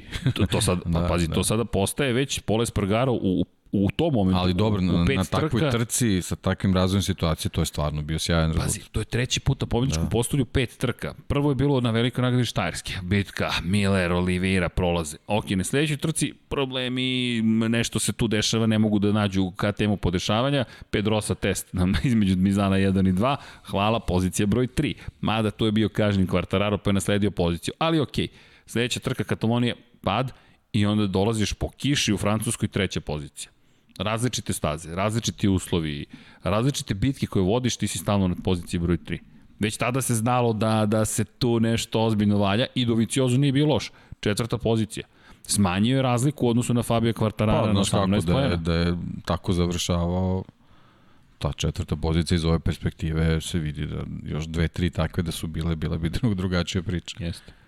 I ono što je fascinantno, meni makar u tom momentu, Marquez, Zarko su izjednačeni, a peti je bio u toj trci Joan Zarko. Dakle, Francuskoj Zarko je ponovo na Avintinom motociklu, ljudi, tu sam, tu sam. Dakle, Zarko odradio, po mom mišljenju, odradio dobar posao, a Nakagami standardna sedma pozicija, stabilan. Ne, to je za Zarka I... bilo jako važno zbog, zbog on, ovaj, onih šokova sa Red Bull ringa, onda izbacivanje do Vicioza na, na Barceloni, već je, već je ono, mnogo negativnih stvari je navukao na sebe i trebalo mu je to da, da otrese sve sa jednom dobrom trkom na Le Manu. Kako god da je vreme, kakve god da su uslovi i razvoj situacije, morao je to da Njegova da trka. Da, da, da, tako da odlično. Mislim, I bio stvarno, najbolje da, plasirani da. francuski vozač. Da.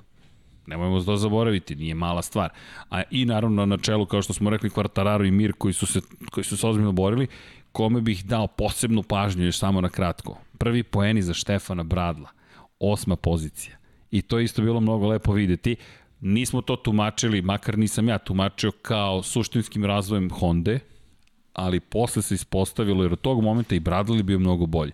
Da to gibljenje, to zadnje oslanjanje koje ona kojem je Olins radio, koje Suzuki, Suzuki usvojio mnogo ranije, da je imalo smisla. Tako da smo dobili u Francuskoj jednu veoma zabavnu trku, blago rečeno. I to rečeno. i verovatno neku situaciju da je možda dobio neku zelenu svetlo da se malo ozbiljnije trka nego, Moguće. nego do tada. Moguće. Dakle, ono, tipa trkaj se ovaj, da, da vidimo u trkačkim uslovima kako to gibljenje funkcioniše. Inače imamo... Naš nije to loš vozač, to je... Pa nema tu loših vozača, to je svetski da. šampion 2011. Da, deki, Stefan Bradley, je ozbiljan vozač. Sećam se njegove prve pobede, bili smo prisutni kada je pobedio u Brnu. Dakle, to je, to je, to je isto, to su sve te neki momenti koji se pamte. Ali u svakom slučaju, Ne, Sandro Cortez je tog dana pobedio. Prva pobeda Sandra Cortezea u 125 kubika 2011, izvinjavam se. 2011. svoju titulu. Ali dobro, I da, kaže Nikola Niksi, skratit će podcast sigurno Le Mans 35 minuta samo. Pa šta da radite? da mu nekako, teško nam je da se odvojimo. Kad otvoriš priču, ali zar to nije predivno da otvoriš priču u jednoj trci, jednom to, ti To je Le Mans vezan za Moto, za Moto Grand Prix. za Moto, Grand, samo za Moto Grand Prix. I samo otvoriš i samo po, po, po, po, popadaju neke priče i to samo u Moto Grand Prix. Nismo se još ni dotakli Moto dvojki, polako nećete nas se tako lako osloboditi. Pa ispostavilo se da je taj trening u Le Manu bio prilično važan za, Jeste. za razvoj situacije u, Jeste. motogra, u Moto dvojkama. Jeste. To je zapravo kada pogledaš stanje u šampionatu i kada pogledaš rezultate, ne vidiš celu priču. Priča se svela na, na trenutak u, u tom momentu pamtim, pamtim ga pride dodatno jer smo imali paralelno trening Formule 1 I u tom trenutku pratimo i Formulu 1, pratimo i Moto Grand Prix I trening broj 2, gledaš, ok, moto dvojke nekako uvijek dođu poslednje, pa nekako manje dobiju na, na, na, na važnosti, neopravdano. Spušta se tenzija. Da. Jeste. Da.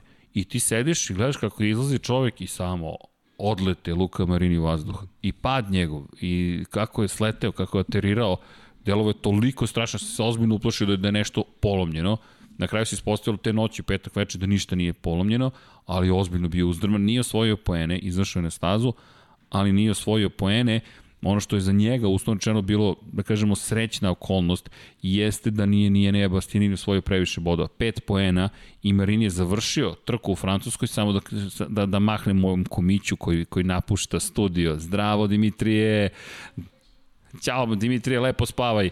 Dakle, Dimitrije, zahvalio se, pozdravio sve. Dakle, imali smo jednog mladog gosta, ali vreme za pajkenje 21-26. Dakle, kada govorimo o Bastianinu, pozicija broj 11, nije ne, nešto pretrano pokazao, opet u teškim uslovima, Luka Marini završio trku. Međutim, prva pobeda u sezoni Sema Lousa.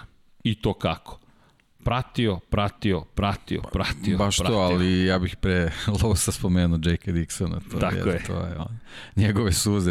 jo, ali ono je baš bilo tužno. Da, da, da. Jake Dixon koji je vodio tokom cele trke, Sam Lowe's ga je samo vrebao i pratio i rekao ne, ja neću da napadnem, ja ću samo da pratim i pratim i pratim i Jake Dixon koji u tom momentu dobio produženje ugo. Netipični da. lost, moramo da spomenemo. Na kraju se ispostavilo još, još uvek atipično za njega. da, da, to je, to je baš važna da. stvar. I i, a to je treći put za redom da je na pobedničkom postoju treće mesto, drugo mesto i sada dođe pobjeda, pri čemu Jake Dixon je sjajno vozio, dobio je ugovor, produžio ugovor sa Petronasom, ostaje jednoj velikoj važnoj ekipi u, u narednoj sezoni i kao nagrada i zahvalnica za to treba Baš da padne treba pobeda. Da, da, da, dobar trenutak je mogao da bude, ali eto, jed, jedna greška bukvalno. Jedna. Ali koliko je teško U deki, takvim uslovima no, teško izvući se iz te situacije. koliko je teško uspeti u tome. I ti samo jedan Baš, moment da, nepažnje bilo ti padaš. I ostaje bez, bez poena. Jorge Martin inače četvrtu trku bez bodova. Bio je na stazi, ali nije ličio na sebe. Sam Lowe's, međutim, bez obzira na tu pobedu, tek se približava vodećima. Dakle, on je sa 25 novih poena, sećam se te najave da smo rekli, gledamo Sema Lowesa i eh, nešto možda nekako on uradi Sam Lowe's i sa 47 poena za ostatka, bum, na 22 poena za ostatka. I sad odjednom imaš četiri vozača u 22 poena. Marini vodi, Bastianini drugi, Marko Beceki je treći, Beceki koji je bio sjajan. Dakle, Beceki koji u tom momentu, uslovno rečeno je samo jedan kiks, sedma pozicija u Kataloniji. Pre toga, Beceki, drugo mesto, drugo mesto, pobjeda. Peti, peti i zapravo šesti, šesti i treći. I sada ponovo na pobjedničkom postoju, kakvi god da se uslovi, šta, da se, šta god da se događa, Beceki je tu i Remy Gardner koji je u tom momentu gore dole, gore dole, gore dole. Ako završim trku, bit ću na pobjedničkom postolju. Od treće pozicije na velikoj nagradi Štajerske dva puta nije stigao do cilja, u Kataloniji nije ni bio među vodećih 15 i onda pozicija broj 2. I četvrto mesto, Augusto Fernandez, jedna od njegovih boljih trka. A, ali Jake Dixon je bio na trenutak makar zvezda tog dana.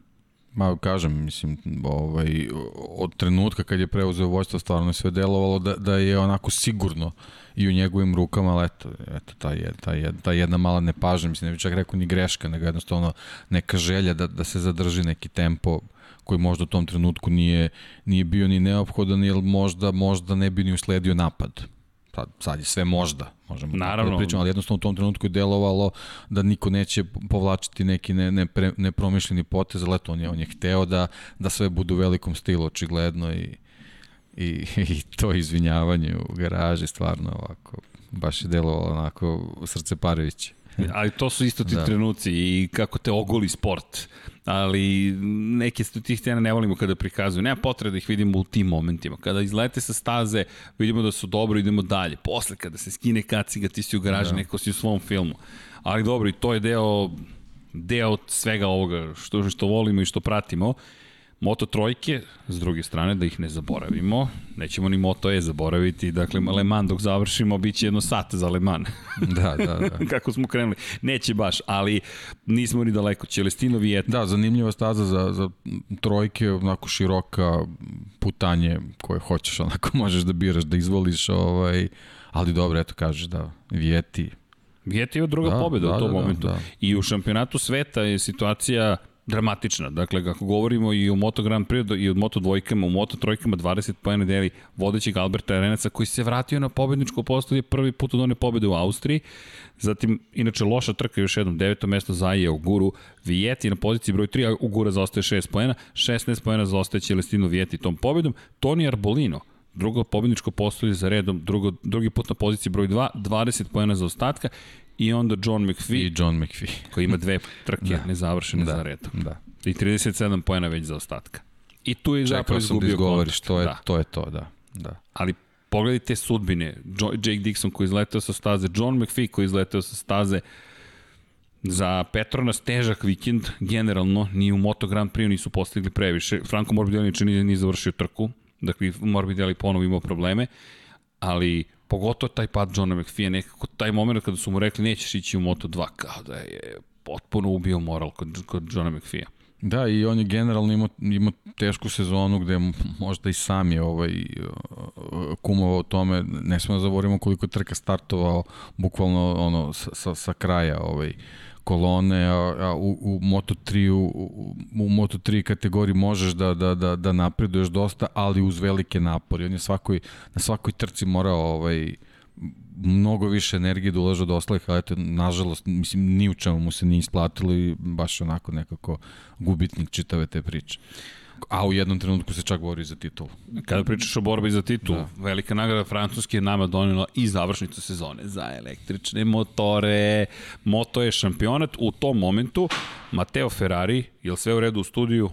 Ništa nije. Ok, padaju elementi koji nisu kritični za rad studije, tako da ne brinite, univerzum se nije naglo proširio, nije Big Bang bio. Sve je ok, ali je, ali je dobro zvučalo. dakle, Mateo Ferrari, pobeda u prvoj trci u Mizanu, pa pobeda, pošto smo tokom tog vikenda, tokom to dva vikenda imali smo tri trke. Na velikoj nagradi San Marini i Rimini je jedna trka. Narednog vikenda ista staza, dve trke, velike, ne, velike nagrade Emilije Romanje i Riminija 1 i 2, treće mesto i pobeda za Matea Ferrarija. Mateo Ferrari koji u tom momentu ima pobede, um, iako je šampion prošlogodišnje moto klase, samo na stazi u Mizanu.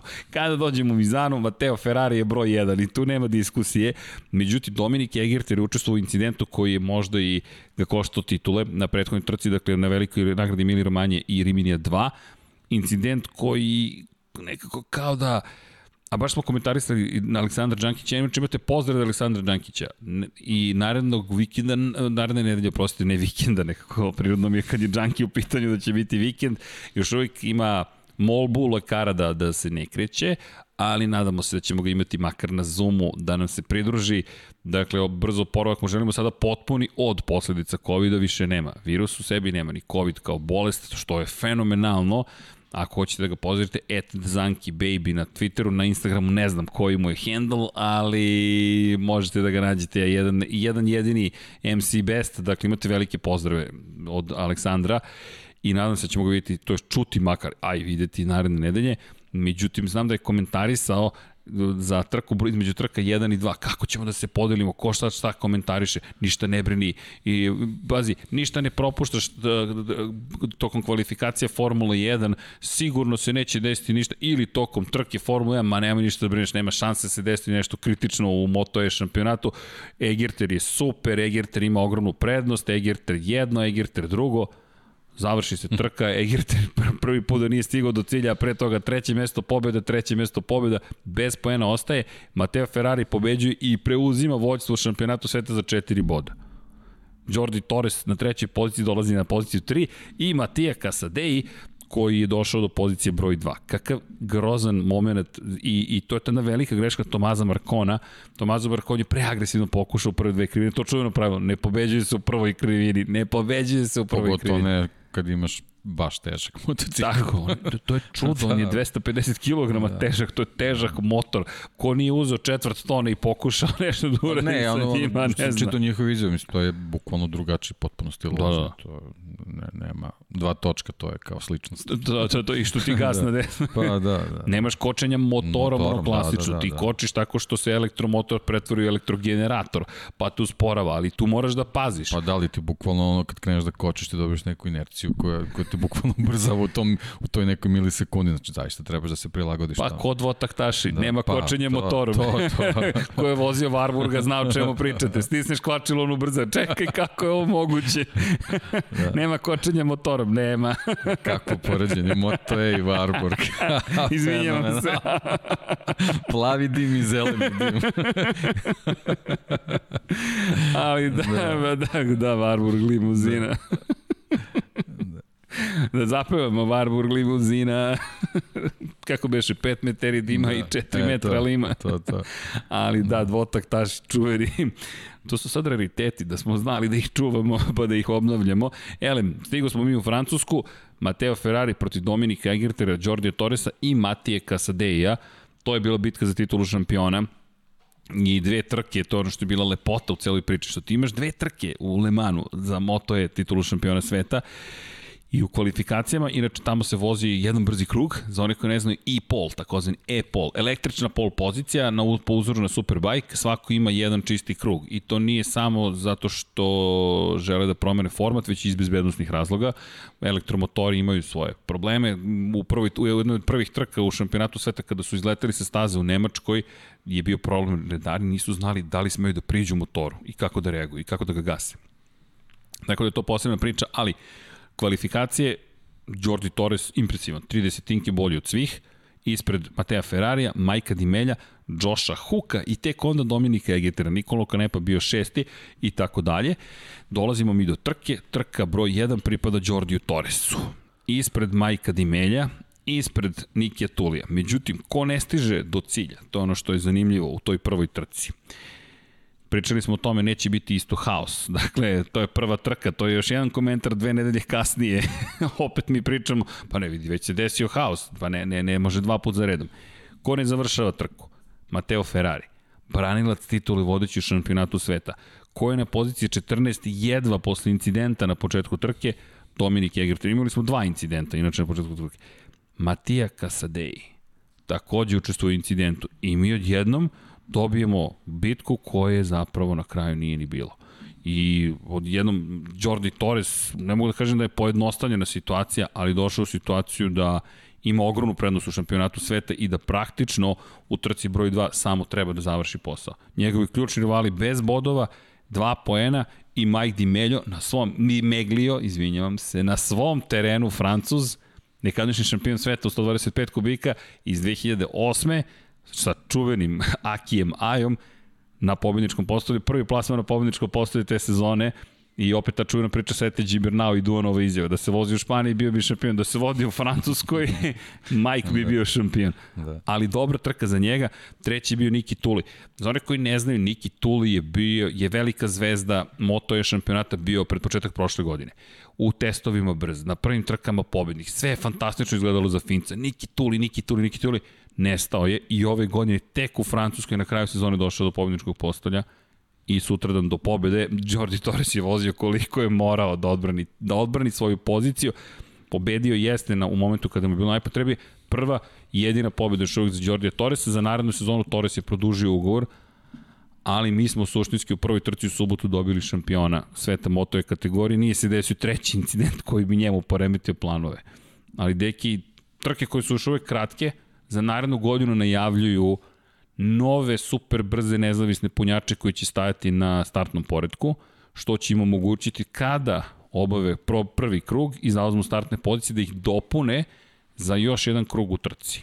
Pa dobro, to su sad ono, kako bih rekao, neki eksperimenti gde moraš u nekom trenutku da dođeš do nekog pravog konačnog rešenja, a, a nikakvi, nikakvi testovi, ni, nikakve kalkulacije ne mogu da zame, zamene ovaj, situaciju na stazi. I, i mislim da, da je to još samo neki od eksperimenta da vidimo kako će to sve izgledati kao što smo imali u Formuli E one zamene bolide na početku dok se nije ta, ta baterija razvila i tako dalje i tako dalje. Tako da mislim da što se tiče Moto E šampionata tu još predstoje faze faze razvoja, jedan od bitnih koraka naravno i to, to smanjenje mase ovaj, vezano, Ma, vezano za bateriju. Pa pet krugova samo voze. Jel, jel ti dok, dok to ne uradiš ti ne možeš uopšte ni, ni da radiš neku konstrukciju motocikla da malo raspoređuješ tu, tu, tu masu, da, da se on malo drugačije ponaša, da su ubrzaju, mada ni ovako nisu spori, mislim, vidi se da ti rezultati krugova su onako sasvim, sasvim pristojni. Pa, pa kada pogledaš 1.44.076 je je vreme koje postižu, dakle kada pričamo o o maksimalnim brzinama 226 km čas, na primjer u Le Manu, nisu, nisu daleko toga da su loši. Oni su negde malo spori od Moto trojki ali Moto da. trojke su za poštovanje takođe. Međutim, Dobro, mislim, oni su put... možda i spori zbog toga što mora se vodi računa o kapacitetu baterije, tako da možda tu, tu već ima ovaj, ne, neke, neke snage koje možda nije maksimalno iskorišćena, ali, ali vidit ćemo, vidit ćemo kako... Staješ mi na muke i Maxa Bjađija da, i postavljanje rekorda. pa da, da. da. da. Vatman će ponovo negde rekord, ali čekamo mi tu čuvenu pobedu. te, da. Da, za one koji ne znaju, skoro 400 km na čas. Ali, prva titula od, odlučena ove sezone i eto završili smo Mileman. Rekao smo nećemo baš sve analizirati, nismo baš sve analizirali, ali nismo se ni daleko odmakli, još samo pet trka do kraja. No, Aragon uopšte nije bio toliko interesantan, tako da nemojte da brinete za Aragon, ćemo mi to brzo da prođemo. Jer po, pa u Aragonu je se nešto deki desilo toliko... Da, ništa, ništa specijalno, da. da. Ništa, apsolutno da. se nije desilo u Aragonu, osim što smo dobili jednu savršenu praktično trku, to jest savršeni, savršen je bio, sad zavisi kako posmatrate stvari, ali iz perspektive opet delimo do subote i od subote, ako bih tako mogao da kažem. Nekako se stalno dešavalo da mi dobijemo velike promene u momentu kada to nekako možda i najmanje, ne mogu da kažem baš najmanje očekujemo, ali krenut ću od rezultata za bor, u borbi za titulu šampiona sveta. Fabio Quartararo posle trke u Aragonu više nije bio vodeći u prvenstvu sveta. Joan Mir je preuzeo prvu poziciju. Fabio Quartararo nije osvojio niti jedan jedini poen. Ono što se desilo u Marini u Le Manu, desilo se Quartararo u Aragonu. Otprilike ti padovi su uzroci praktično njihove, njihove eliminacije iz, iz borbe za titulu. Neverovatan vikend. Sumiraću trku, pošto je to najvažnije. Alex Rins je zabeležio pobedu. Prvu ove sezone, treću u njegovoj karijeri, ali kako je izgledao moćno na poziciji broj 2, ne znam ko je moćniji izgledao u tom trenutku, Alex Marquez. Ono skretanje u poslednje dve krivine, ja mislim da ću da vratim namjerno da posmatram samo ona, samo, samo ona preticanje, samo one prolaske. Onako boriti Hondu i voziti i biti siguran uskraćeni, uskra, ljudi, to je, to, to, to, ja, ja ne znam kako ono izveo.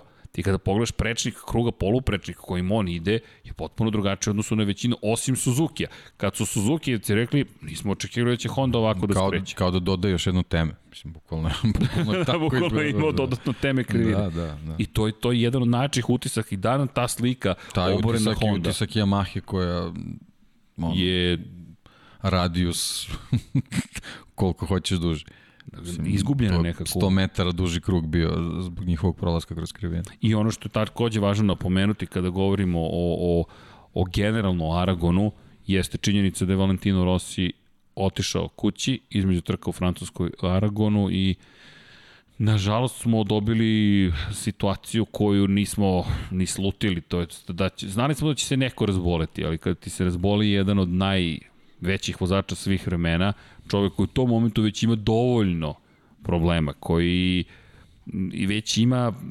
situacije koje kako ih nazvati, to je kriza u tom momentu, dakle vozačka kriza, ali ti doživiš da si se otišao si na žurku i samo si se ti od cijelog kruga ljudi tih tamo zabol, razboleo. Njegova devojka nije se razbola, niko u njegovom bližem okruženju se nije, samo se Rossi razbola.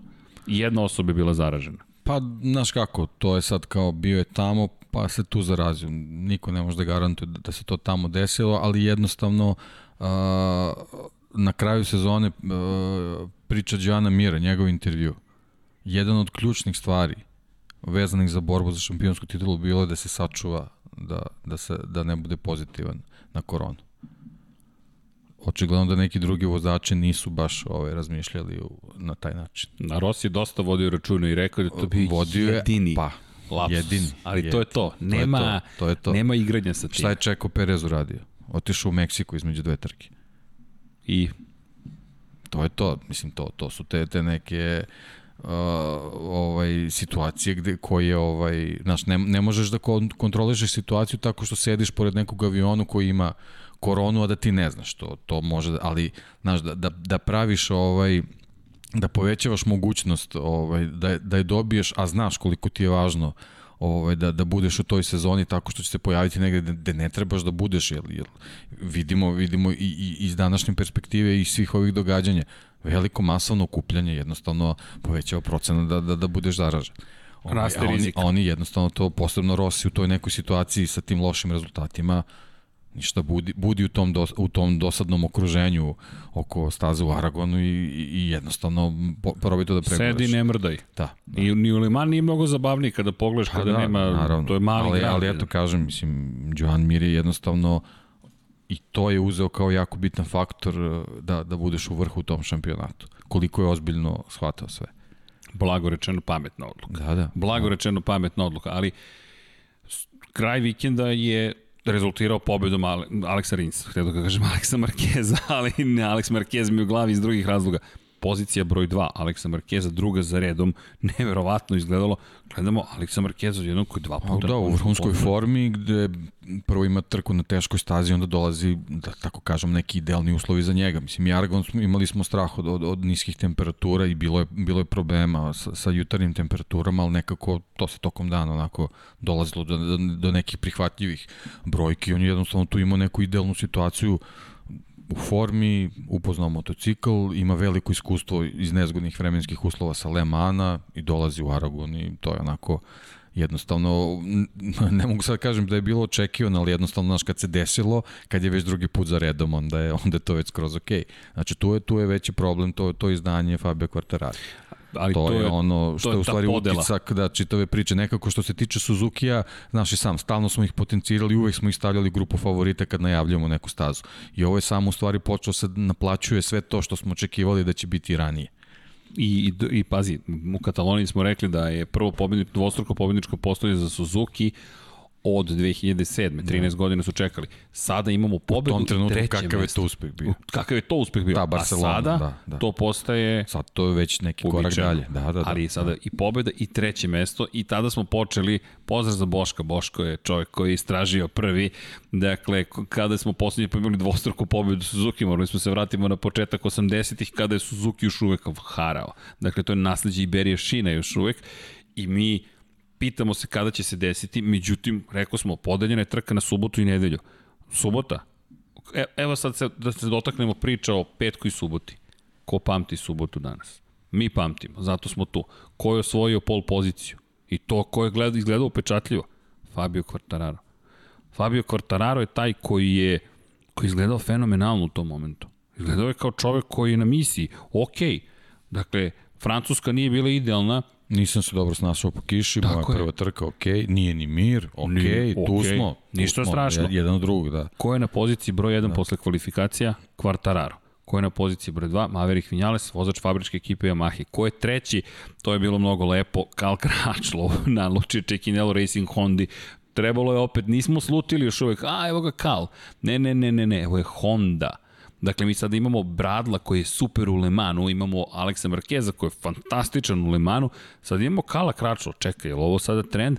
Mi još uvek to ne gledamo kao trend. Nakagami je bio sedmi u tim kvalifikacijama, Alex je bio 11. ali je prošao Q2 deo kvalifikacija. I tu smo rekli, u pohvala, ovo je, ovo je bilo dobro. Međutim, Yamaha, prva, druga pozicija i treća Yamaha, četvrte nije bilo.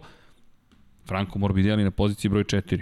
Franco Morbidelli na poziciji broj 4. Između njih je Honda, Jack Miller najbolje plasirani Ducati po ko zna koji put, Joan Mir na Suzuki-u, vodeći u šampionatu sveta, radi jedan ozbiljan posao, probija se u Q2 i u drugom je startnom redu. To je fenomenalno za njega.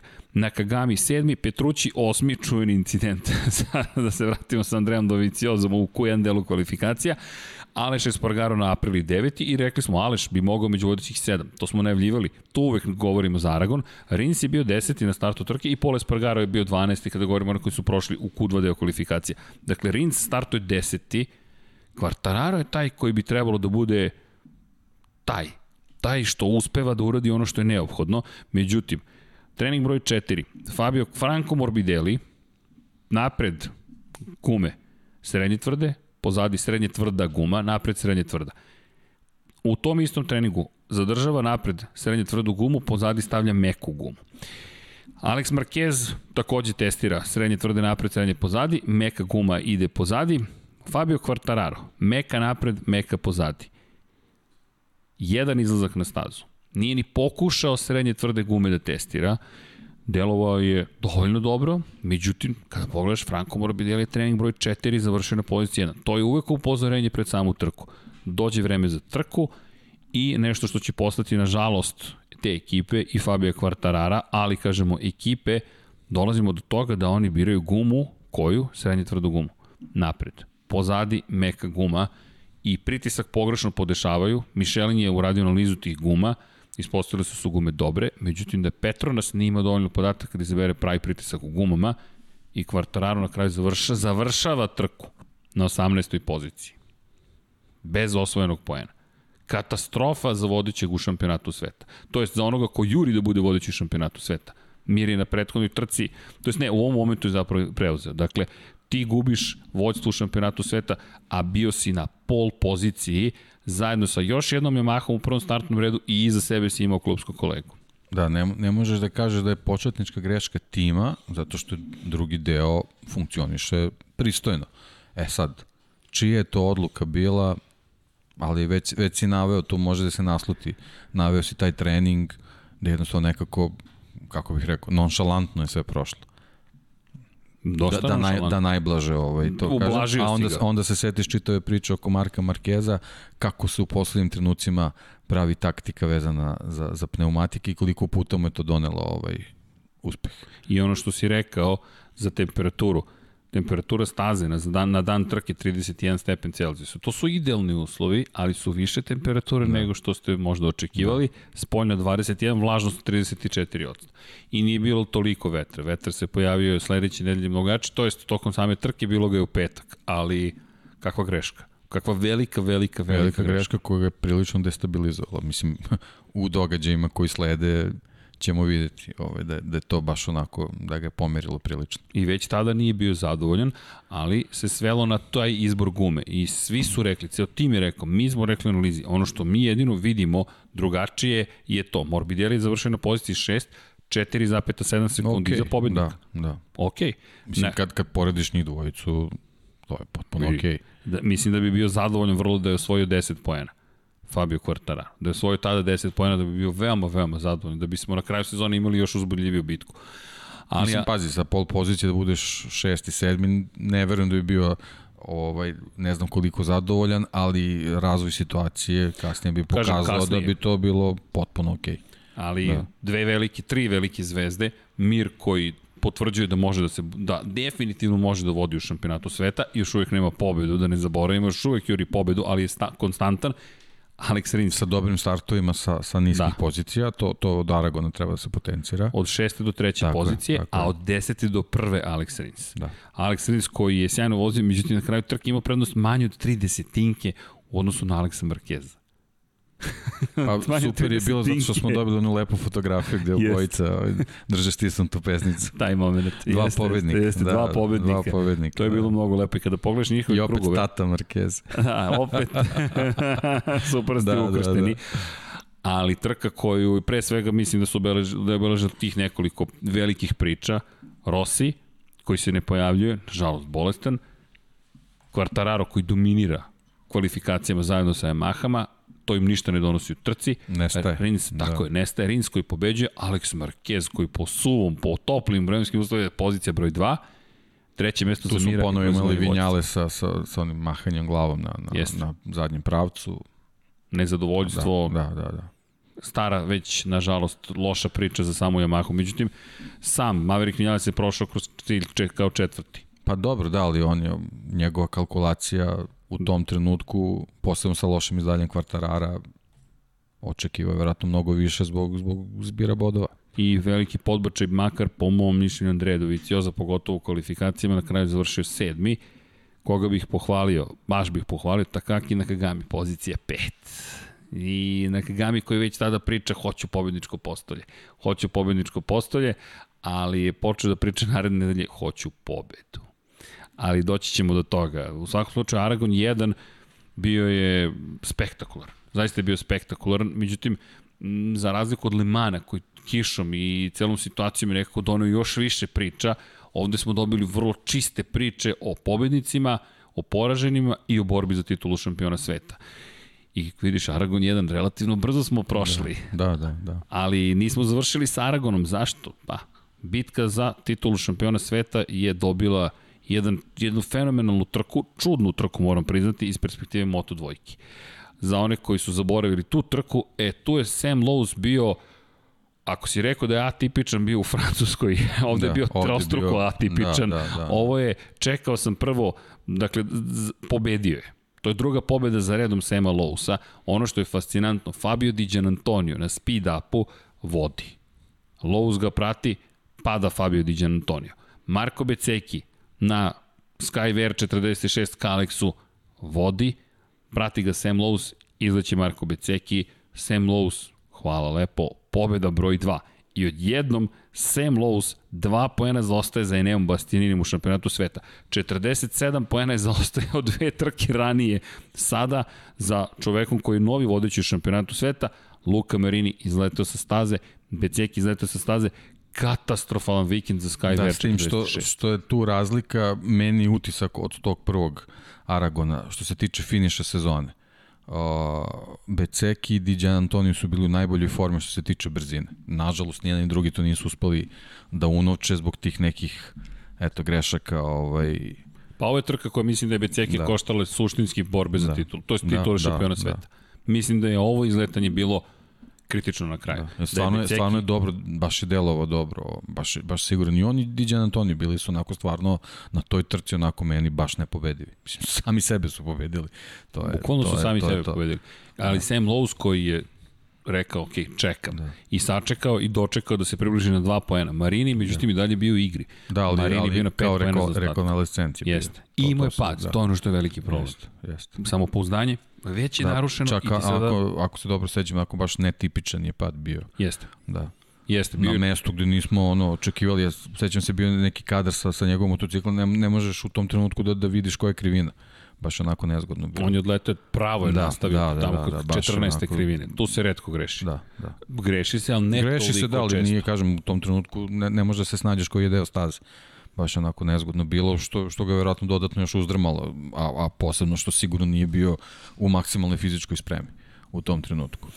I Pet... Bastianini koji opet ne možemo kažemo kontroliše situaciju, nego jednostavno deluje da motocikl nije, nije dovoljno brz, ali je bilo dovoljno s odbrane recimo od Jorge Martina. On je bio na poziciji broj 2, tako je, na da, kraju trke, da, da. da, da su završili Diđan Antonio i Beceki, njemu u najboljem slučaju pripada pozicija broj 4, ali lepo si rekao, odbranio se od da. Jorge Martina. Da, da. Odbranio se od Jorge Martina. To su ključni neki bodovi bili opet kasnije vidimo. Kasnije, da. Martin, Martin nekoliko krugova pokušavao da uhvati zavetrinu na, na zadnjem pravcu, ali to je, to je bilo dovoljno da, da iz tog motocikla izvuče potencijal za tu trku koju je trebao. Da, pokazao se da onako iskusno vozi zaista. Lepa trka. Da, ne znam, da. lepa, sad zavisi kako ko posmatra, ali iz moje perspektive lepa trka s obzirom Kažem, na činjenicu. moj utisak je taj finiš sezone od tog prvog Aragona treba, trebao da pripadne Becekiju Diđan Antoniju nije samo zbog njih. Ne, ne mogu da optuže nikog drugog. Diđa da, napravio da, da, veliki da, broj da, grešaka. Da. Baš je napravio veliki broj grešaka i propušten je veliki broj prilika da donese sebi prvu pobedu u karijeri u Moto2 klasi. Mnogo bodova. I speed upu takođe. Mnogo bodova. Znaš, nisi ti ovaj, obavezno mora budeš prvi. Znaš, dva, dva podijuma sa tim nekim padovima koji su sledili, mnogo bi promenili situaciju. Pa pobedom na toj trci, Fabio, bi sa 45 skočio na 60. To je skok ispred Ćavija Vjerhe. Da je završio još jednu trku, bez problema bi došao možda čak i nadomak pete pozicije u šampionatu sveta. Ali to se nije desilo. Jednostavno, prevelik broj grešaka, ali ono što je bilo pozitivno za njega, potpisao je ugovor sa Gresinijem.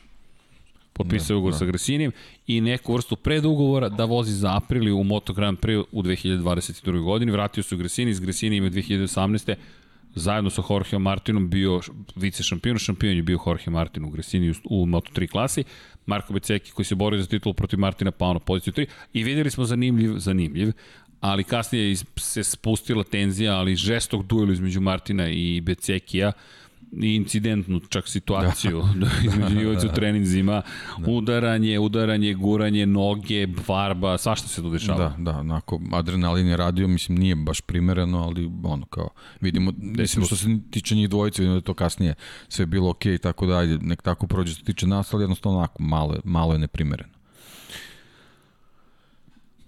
i dalje, moj utisak, lepa jedna trka iz perspektive šampionata, potpuno otvorena bitka, Sam Lowe's koji je pokazao veliku dozu zrelosti, žao mi je padova, to nikada ne volim, ali opet kada pogledaš kako, pa kako oni su se sastavni deo takvih Tako trka, kad su dinamične trke, kad, kad eto, imamo te neke vozače koji se dovoljno ohrabre da, da nametnu svoj tempo, jednostavno desi se, nekad prođe sve ok i onda hvališ kako i izdanje bilo super, nekad se eto desi, nažalost na toj trci smo imali dvojicu, ali šta da radimo, mislim, jednostavno to Nametanje Takve tempa smo videli sledeće nedelje. Tako, na da, sledeće da, nedelje smo videli da, nametanje da. tempa, ali da ne, ne da, trčim da, da, pred rudu, da. doći ćemo na to, mada već. Neko, neko je naučio kako se to radi. da, i treću uzastopnu da, da vidite kako će ja da Tako je, tako da, je. Da, da. Moto, u Moto trojkama, Jaume Masija, prva pobeda ove godine. Jaume Masija u tom momentu se približava na 36 pojena razlike i opet slično Lowsu, da, da li Masija nešto može, znamo da je već potpisao ugovor sa Red Bull KTM, Majo ekipom odlazi, napušta Hondu, napušta Leopard, neke šanse su tu ipak i pričali smo da, da eto, treba, treba da povedemo računa. Međutim, nismo baš očekivali ono što će se kasnije desiti. Druga pozicija je bila za Derina Bindera, posle one pobede dve trke ranije, pa pada u Francuskoj. Derin Binder po drugom mestu, samo potvrda kvaliteta Derina Bindera koji je dobio ugovor da ode u Petronas naredne sezone i to se već videlo da je Južnoafrikanac došao do tog momenta da zna gde je granica. To je odlika pobednika. Ovde znam da je granica i obigravam oko granice. Čega god. Pneumatika, brzine, prijanjanja, šta, šta god je u pitanju, znam da je tu i kada vi u tri trke imate pobedu u drugo mesto, to je već potpuno drugačija situacija, pogotovo u Moto trojkama, a Masi pohvale za, za pobedu i Raul Fernandez koji je došao do prvog pobedničkog postolja. Da, zaslužio je. zaslužio ga je. da. Stalno brz, stalno na da. pol pozicijama, nikako da dokruniše to. S druge strane, vodeći u šampionatu svetu, Albert Arenas tek sedmi, Ajo Gura 14. i na poziciji broj 9 posle pobede Celestino Vieti. I nekako, da kada pogledaš sezonu, sjajan vikend, loš vikend, sjajan vikend, loš vikend, sjajan vikend, loš vikend za vodeću trojicu, nikako konstantno. I ponovo ono što se tiče Arenasa, nekako rezervisana pozicija koja ga u finišu trke dovede u situaciju da, da gubi bukvalno u poslednjih nekoliko tri, krivina gubi po 2-3 mesta, koje mu ozbiljnu količinu bodova oduzima. I to je nešto što, što, što, se, što je obeležilo njegove neke nastupe. Jeste. To je ono što si pričao, da li Arenas može sebi da priušti takve završnice. Ovo je beše bila trka gde, gde ovaj, u poslednjoj krivini dve pozicije od Japanaca izgubio, čini mi se. E, ne, to je bila Nije, sledeća. To je bila sledeća, to je sledeća. da, izvinjavam se. Sledeća, da, da, ali, ali, slična ali, situacija. Isto, slična situacija, da, upravo identična. to, upravo to. Ovde je opet bio upravo da se plasira na pobedničko postolje, upravo to. ali isto je I bukvalno izlaziš na startni pravac i vidiš yes. jednostavno da, da, da, da si na pogrešnom mestu i, i gubiš dva, tri mesta. I tu su počeli da, da se šuškaju i priče oko masinog motora, za kako da. je moguće da ima takvu maksimalnu brzinu, da je to ne, nešto sporno, sledećeg vikenda se to zahuktalo ozbiljno, Gino Borso je dobio i kaznu posle drugog, drugog vikenda u Aragonu, međutim, na kraju se ispostavilo da, da ispostavilo. Duboko verujem da, da to je jedna prazna priča.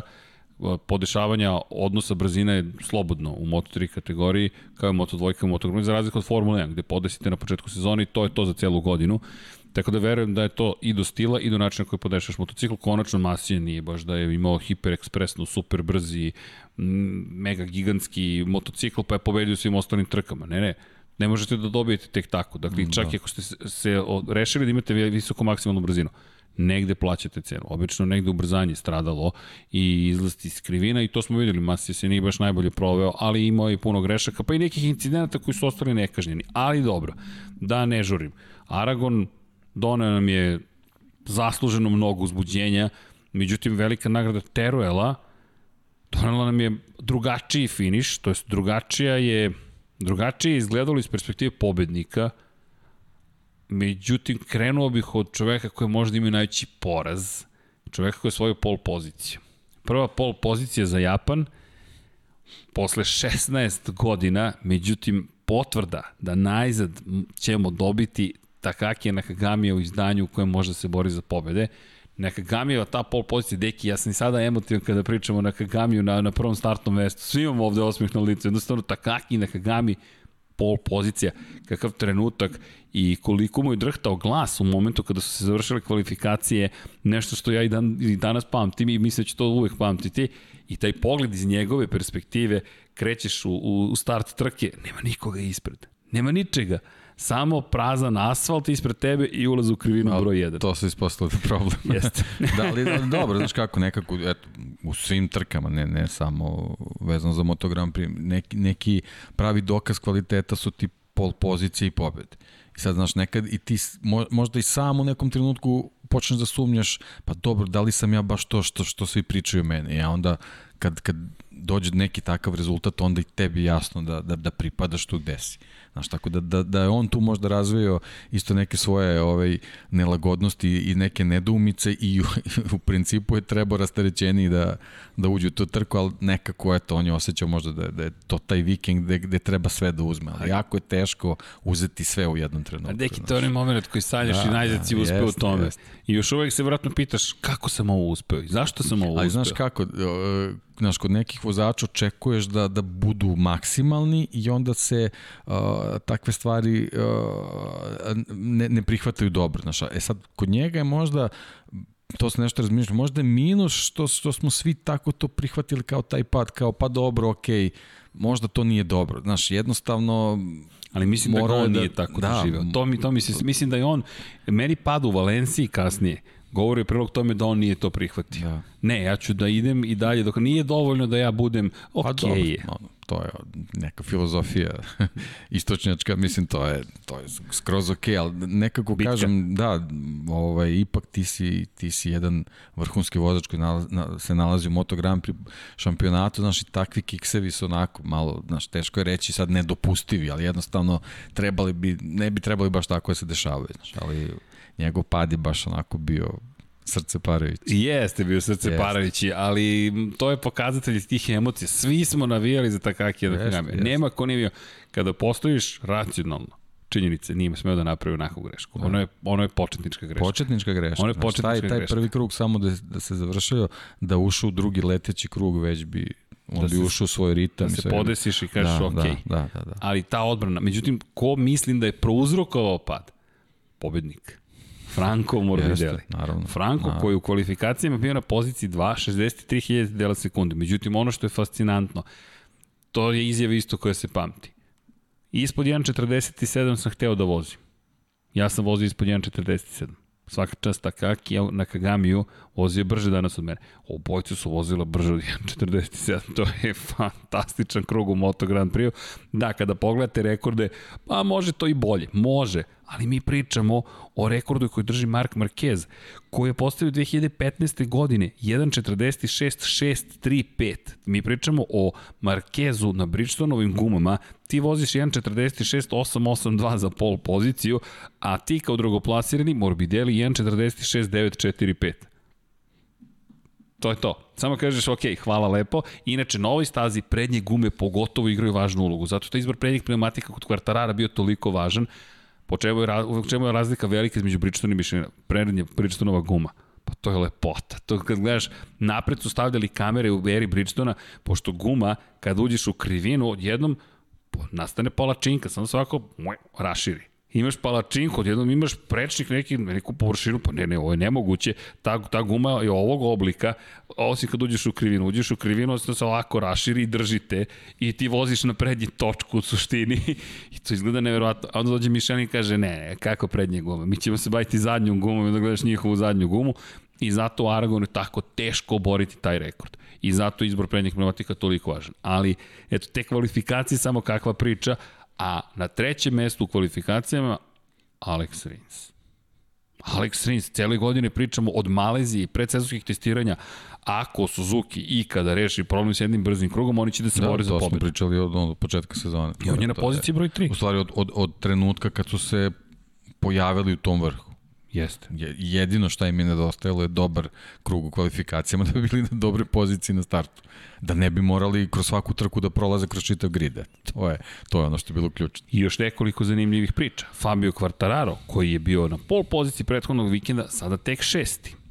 Ispred njega Joan Zarko. Čisto da se setimo da postoji Zarko, najbolje plasirani Ducati, jedini Ducati u Q2 delu kvalifikacija. Dalje šok. Pa nije šok što je Zarko tu, nego što ostalih nema. Ja, ne smo zaboravimo Quartararov pad. Tako je, tako To je, Kuk, to sam, to sam ja je- zaboravio. to Tako je, ti ovaj, stalno vraćaš da, da, na to. Da, to je, Da, da. to je nekako taj preloman trenutak koji njega eliminiš. Kasnije vidimo, jednostavno to je to. Je to.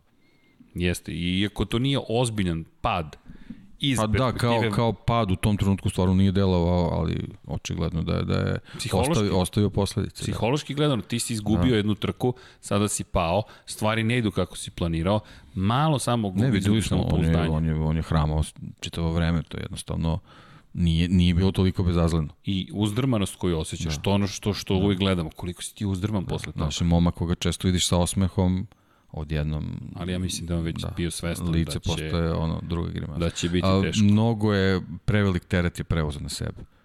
On je, on je jednostavno, mnogo se opteretio tokom da čitave izgoreo? sezone. Pa ne, ne znam da li je izgoreo, nego mislim da je sam sebi a, a, ta očekivanja pretvorio u teret. To je u stvari bio taj. Mm, On nije jednostavno nije, nije nego sa lakoćom ulazio, da nije ulazio u te trke kao neku igru, znaš, nego jednostavno ne- nekakav teret je preuzeo na sebe iz, ne, Znaš- ne znam, jednostavno, znaš, morao je malo, malo ovaj, možda više da, por, da razgovara o čitavoj situaciji u kojoj se našao sa nekim ljudima, znaš. On je prošle godine, dakle, pa pre COVID-a, pre nego što smo svi počeli da se pesnicama pozdravljamo, je tako funkcionisao sa ekipom. Jedan od, naj, jedan od najvažnijih opisa koje smo mi imali kao dužnost da prenesemo sa staze jeste taj njegov poskok koji ima lepršavost u Jeste, kretanju, jeste, jeste, mehaničarima pruži pesnicu, ćao, ćao, ćao. Sada je to A, postalo... pozdrav sa svima u garaži kad Da. seda, nikog ne zaboravi. A sad je to postalo formalnost. Da, Da, Čekaj, da, mi da, smo da, da. uradili ovo, ovo, ovo i ovo i onda smo pobeđivali. Meni to tako delo. To je ona čuvena priča, stalno pričamo o rock and roll bendovima, ali možete izberete či, koji god muzički žanr, snimiš dobar album broj 1 i onda uzmeš i kažeš, e, čekaj, mi smo uspeli ome. Šta smo mi to radili da bismo uspeli? A šta ti je uspeh zapravo? Je li ti popularnost uspeh? Ili si osjećaj sreće koju ti imaš zato što Pa nešto to, da, radiš? ne, meni delo da u tom trenutku taj, to što, što se nazva osjećaj sreće nekako nesto preterano je. Ja znaš kako, njemu je na početku sezone poenta bila da pobedi. Ja sam ono pričao s njima, rekao im, ono kao puno tetovaža imaš, jel, jel planiraš još jednu? Kao da, planiram, ostavio sam mesto, tetoviram u znak svoje prve pobede. Znači, niko nije razmišljao ni o kakvoj tituli.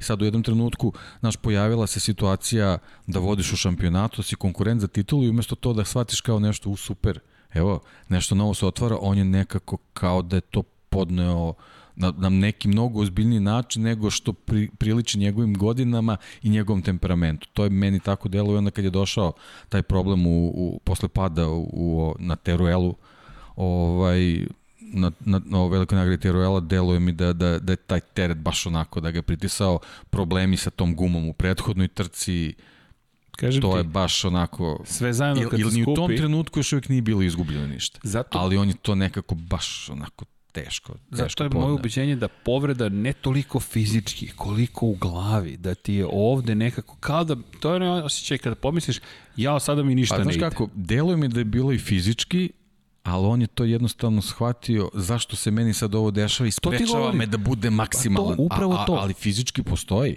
Kad pomisliš, e, sad, je, sad sve je loše, što kaže, Mam ili vi ste, vi ste komentarisali na početku trke, da li će izdržati celu trku da vozi? jeste, jeste, to Znaš. vidi, fizički to je nepoznanica, Ali ali tom još razmišljaš da li su gume ponovo loše kao što to milion ali nekih stvari to. koji, s kojima nije uopšte morao da se opterećuje. E, ali, to je to, ali stvari to to. je to, kad pomisliš, jao, sad sve ide nizbrdo, kao što je sve išlo uzbrdo. Jer na početku sezone kad je bio rasterećen, to je bilo fenomenalno. Ali to je samo privid. Da. Sve ide i dalje uzbrdo. Tako Dečko, je, i sve tako ide je. dalje uzbrdo. I dalje sve- sve je super, koji da. se bori za titulu šampiona I sveta. to je ono što uživaj. smo potencirali da u stvari može da bude uh, uh, njegov minus u borbi za titulu.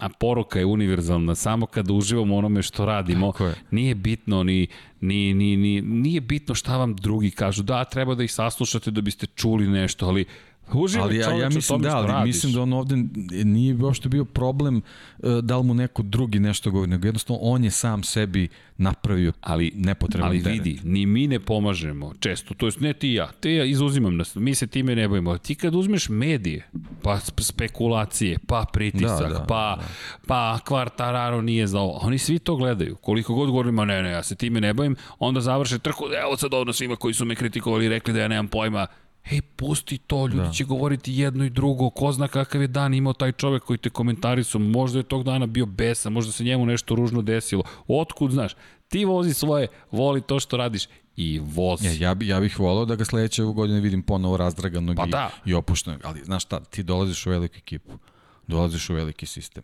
Dolaziš u ekipu koja baš i nije Sad ćemo da vidimo kako, jednostavno. kako će on moći to da insjedluje. Znaš, a opet s druge strane imaš Rosija koji dolazi u neku rasterećeniju atmosferu. E, to se da ti kažem, ali o, Znaš. evo Ro- Rossi koji je koji koliko decenijama šta je sve šta je sve čuo u svom životu od toga da je najobožavanija ličnost do do do toga da je prezrena ličnost do imaš uvek polarizovana mišljenja o svima Rossi i dalje mnogo popularniji nego što je nepopularan ali i njemu se desilo u jednom momentu da počinje priča pa dobro toliko si dugo tu pa ti si nisi za za ovo si za ono kako on to sve Poenta je kako primiš Kako on to primi? Kao, ba, da, okej, pa šta sad ja da radim? Tako neko će me tako voleti, je, neko neće tako je. voleti, nego ajde da mi radimo ovo što ja volim da radim.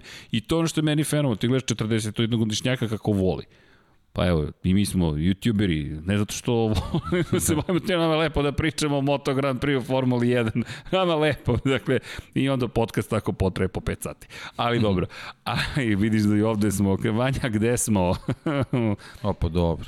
Gledaju, gledaju okay. nas izdignutih obrva, ali ne, nećemo ni mi popustiti. To su zli menadžeri, obuzdavaju našu kreativnu slobodu, borite se protiv korporacije. ne, ne želimo da budemo korporacije, zabavljamo se, ali, ali činjenica je da Quartararo ide, tako je, ide u korporaciju da. i tamo da. ga neće dočekati ljudi koji su puni razumevanja za stvari koje je možda do sada radio. Da. Rossi je bio taj koji je to suštinski promenio, koji je došao i rekao ja ću dalje da se zabavljam, ali morate da me prihvatite zato što sam mnogo brz. I to je to. I on je doneo titule. Quartararo nije doneo titulu. To je isto velika stvar pričat ćemo kasnije kako se promenila i priča, šta je, gde je odgovornost. Odjednom i on koji priča o tome da je sada motor zapravo uzrok njegovih neuspeha, od momka koji je prošle godine govorio, ma ne veze, dajte mi motor, dajte mi da vozim, dajte mi MotoGP. Da, ali, ali to je, ono kažemo, razdragan, opušten, Tako je. a onda s druge strane garaža imaš neko ko je stvarno opušten.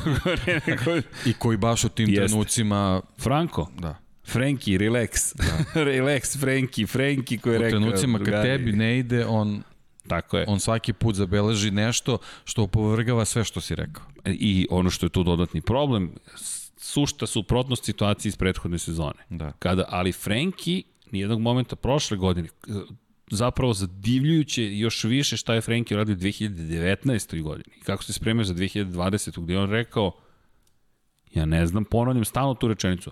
Znam šta Fabio radi, ali ne znam kako to radi. I Frank je rekao tako je kako je. Dobio sam najlošiji motor, ok, toliko sam zaslužio onim što sam uradio na stazi. Sad je malo više zaslužio na stazi i kada pričaš o Franke, kao što smo rekli, ta druga pozicija da se vratimo na trku i taj moment starta kada je pod pritiskom Aleksa Rinsa zapravo, i ne samo Rinsa, to je bio jedan zaista agresivan start. Ti gledaš kako su, svi su dobro krenuli. Međutim, Frank je rekao ne, Ne, jer je Mahini vozači između ostalog znaju. Ukoliko ne povedu u prvom krugu, pobjeda će biti vrlo teško izvojevana. Napao je... Da, to je, to je pokazuje Mizan. Tako je. To je i Fabio pokazao u, u Barceloni. Svugde praktično. Tako, Fabio da, da u Barceloni nije, nije poveo trku da se pa, nije našao Vinjales, da li bi pobedio da nije da. izleteo da, Francesco Vinja, Banjaja? Bravo, bravo, da. Da Banjaja nije izleteo, da. ne bi bilo da. pobede, verovo, da. mada ga je sustizao, ali pitanje da. je da li bi pretekao taj Ducati na zadnjem pravcu. Da li ti do Kurvoneja možeš da razviješ toliko i, brzine? Što je, što je generalno na tom drugom mestu bio relativno sam. Kao, kao praktično, kao Jeste. da je vodio. Da. Jeste. Da. Imao je prazan prostor Tako, ispred pa, sebe. To, to, to. I mogao je s Yamahom da radi ono što je želao. Nije imao duele. Čim je uđu u duele, gube. I tu je jedan od ključnih momenta. Morbidelli koji napada za poziciju suštinski broj 2, ali taka koji već osjeća pritisak, već je čuo motore, kreće i pa, četvrta čuje ih i nekoj drugoj perspektivi. Jeste. To je ono što, što je do tog trenutka njemu bilo neobičajeno, ali eto, Bukvalno što si rekao, početnička greška. I masterclass Franka Morbidelija. Činilo se da ga Rins prati s lakoćom i da će to biti još jedna pobjeda Aleksa Rinsa i da je zapravo pripremio Suzuki za napad u završnici. Dođeš i kažeš, čekaj, čekamo Rinsa. Ja sam čekao Rinsa, ne, ne, ne, opušteni Frank je rekao, ne, ne, samo vi čekajte, ja imam neke druge planove za današnji dan. Ali pohvale, Rins na poziciji 2 i prvi put da smo videli Rinsa zapravo da deluje kao da razmišlja o poenima i kao da kaže, čekaj, 20 bodova je 20 bodova, Joan Mir odavno razmišlja o poenima, kalkulator samo broji, to nije nešto negativno, samo konstatujem kako izgleda sa strane ono što radi, međutim, novih 16 bodova za Mira, s druge strane Fabio u ozbiljnim problemima. Nije više ni do gume, srednje tvrdoće, nije više ni do pritiska u gumama, samo pouzdanje je poljuljano. Upravo to. Poljuljano je samo pouzdanje. I povreda pride, dođeš do osme pozicije, odjednom Mir ima 14 bodova prednosti. Na u toj kraju, situaciji u tom šampionatu kao da ima 25 bodova prednosti. Deki, mi odjednom da. od, od situacije gde je par poena između vodećih dolazimo do toga da Mir počinje da kontroliše svoju sudbinu. Ali dobro, mislim, znaš, ne, nekoliko odličnih trka za Suzuki, to je bilo ono... I opet dvostruko pobedničko postavljanje. Očekivano pod, da, da, da. Pazi, kombinacija 2-3, 1-3, 2-3, nikako 1-2, ali to se izmenilo i to relativno brzo na, na, na poziciji broj 2 rekao smo Rins, četvrto mesto, Nije bio treći, ali blizu Pole Espargaro. I KTM koji su opet nekako krenuo Espargaro na prvoj trci, tek 12. Sada četvrti, opet KTM uspeva da okrene priču u svoju korist i Zarko koji ostaje stabilan na poziciji broj 5. To je bio jedan veliki, ozbiljan rezultat za Zarka. Šta smo takođe videli? Alex Marquez, San, se o pobedi završio, izleteo sa staze. I u krivini broj 2, greška koja je česta na stazi u Aragonu, međutim i potvrda da su njegove ambicije značajno skočile i da je da. spreman da gura. Da, i priznanje, ok, ovo je moje. Dakle je. Ja prihvatam na sebe sve. Ništa ni rekao. Da, da, da, da. Ja sam napravio grešku i to, to je to. To je to. To je to. Ali dobro, znaš kako, znači izdanje, ovaj, svi smo mislili sa, sa prethodne, sa trke ovaj, velike nagrade Aragona, to izdanje, Takina pol pozicija, sve je išlo ka tome da, da je on to Hondin dan. Tako da, ovaj, sve ambicije su bile potpuno opravdane ali prosto nisu se sklopile dobro, da, da, to je to. Ono, Dešava lepo se. je videti da je bio spreman da gura u svakom trenutku. E sad, tu je malo prešao preko, preko granice, ali dobro, i to je škola. I to je da- škola, da, tako je. Tako da skroz okej. Okay. I završili smo mi taj trilling sa Moto Grand Prix. Međutim, trilling, adekvatna reč za ono što smo videli u Moto dvojkama, Sam Lowe's, potpuna dominacija. Deki, ja ne pamtim onakvu dominaciju. Bilo je dominantnih pobjeda, ali Sam Lowe's je baš... Ali trening, kvalifikacije. Sve. Sve. Prvi, drugi, Da li da izlazim? Pa možda i ne moram. Čekaj, se sećaš kvalifikacija? pa ne, to. pa kao, ne treba nam ovaj krug. Pa gleda ga. mislim kao mogu ako treba, ali mislim da nema razloga da se mučim. Da stvarno, stvarno go... tako, ono, komunikacija tako delovala. Gleda ga njegov inženjer i šta ti tražiš u garaži? Pa ne treba nam ovaj krug, nema više bukvalno potrebe da vozim kvalifikacije. Tako. Znam šta sam uradio. Sveći se da smo komentarisali. Da, da. Ti gledaš čoveka koji nije samo uveren, ovo je, trka je dobijena ovde u glavi i to je, to je završena diskusija i dolazi do treće pobjede za redom. To se Redeki baš redko viđa, pogotovo u ovakvoj sezoni. Ali nekako je tu trci gde ponovo, ono, kao što mi na prethodnom delu Beceki i Diđan Antonio su nekako meni bili Dobro, DJ je najzad da, uspeo. Da, da, da, ali, ali ono kao, bit će tu, ali jednostavno nije dozvolio. ne, ne, Sem ovoga puta nije dozvolio da, da pitanje da, nikako, da, ali je DJ stigao do cilja. Da, Pozicija da. broj 2, 20 poena, vrlo lepo. Da. Enea Bastianini. Kažem, očekivao sam u finišu, evo ga, tu je tu, ali ovoga ne, puta ne. Ne, ne, ne. Sem je ne. sve držao pod da. kontrolom. Pri čemu, to Diđino drugo mesto, ubacilo ga među vodećih 10 u šampionatu, S druge strane, ne Bastianini, opet dovoljno. Treće mesto. Da, da, ja, da. Pazi, nismo spomenjali dovoljno možda. Pričamo o Miru, ali možda zato što je Mir kasno došao do svoje pobjede, ali Bastianini na sličan način na kraju da, svoje titule. Znaš kako, videli smo da Suzuki ima motocikl koji ima potencijale uh, Enein motocikl Ali da li je motocikl ili podešavanje? Pa, Pazi, to je Kalex da, sad, sa triumfom, svi kako, su tu. To su sad te sve neke nijanse, ali nekako on nije delovao u svim trkama da ima nešto baš konkurentno. Ali kako vidi? Ali, ali, znao ali, da iskoristi sve. Ali, ali vidi, to je Kalex za ovu godinu. Da, da. Ne postoje razlike u motorima.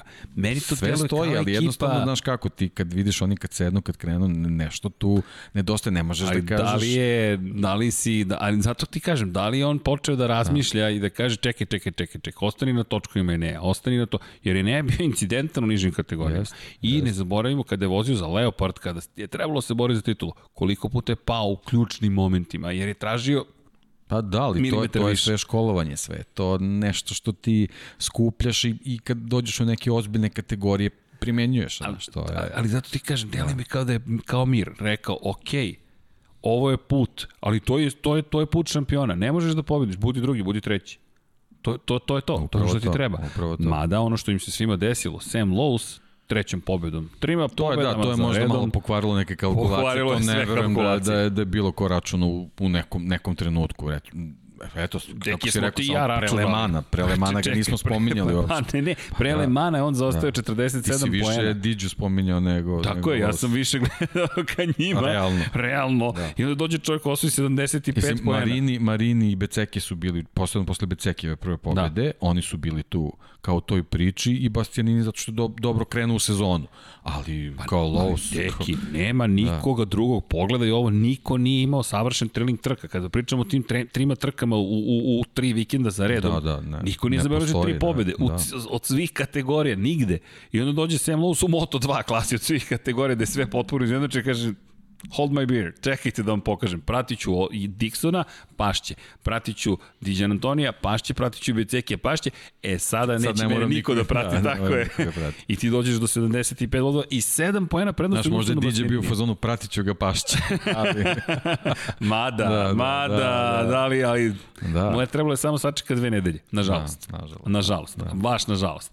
Luka Marini na 23 pojena za ostatka, Beceki koji nije završio drugu trku u Aragonu, Teru je velika nagrada Teru katastrofalna bila, Beceki 48 pojena za ostatka u tom momentu za Sam Lawson i teoretski je Jorge Martin šestom pozicijom ostao igri 73 pojena za ostao tri trke pre kraja, ali da, eto, sučeški dobio kraj. Tiče Martina, ali tu se videlo da nije, da ovaj, da nije imao koronu, tu pauzu koju je imao, imali bi ga u finišu sezone definitivno. Da, Da imali bismo da. ga 100%. Šteta. Ali dobio je Ducati i Pramac sledeće da, godine. Da, dobro, da, on, on, je, on je baš on je bio rasterećen što se svega toga tiče, tako da... Samo što će da. možda i on patiti jednog dana što nije osvojio tu titulu u pa, srednjoj klasi, ali to, desilo se. To ide, da, Zato je tako teško da, objediniti te titule. Je, tako Zato ih je tako teško objediniti. Ma to su tri sveta potpuno, pa, sve je drugačije. Ne, ne možeš. Ja, znaš što je meni palo na pamet? To sam htio da pitam Lorenca, međutim otišao čovjek u penziju. Da li bi se vratio u Moto3 klasu? Da objedini sve titule. Dobro, ne, pogodi što, pogodi što već, već ne, ne, ne, ali tiče, da. pa ako Alonso da. može na test mladih vozača u Abu Dhabi. Može na test, može na test. Ali, znaš, što da. mi je zanimljivo, da li bi se sada neki tako veliki šampion snašao u moto trojkama? Pa to je zanimljivo pitanje, to čuvaj pa Čuvam. iskoristi, iskoristi kod svakog napravimo anketu, jednu emisiju samo sa, sa odgovorima. Da, da, da, da. li bi se vratio u Moto3 da, da osvojiš titulu? Okej. Da. Pazi, pogotovo kad vidiš Toni Arbolino koji je rekao da, da, da čekam da, da otim iz Moto3. Ili Zato kao, ih i ne da, pitam. Da, da, da, ali Lorenzo mi je baš bio pik, da. jer, pazi, on bi mogao da objedini titule.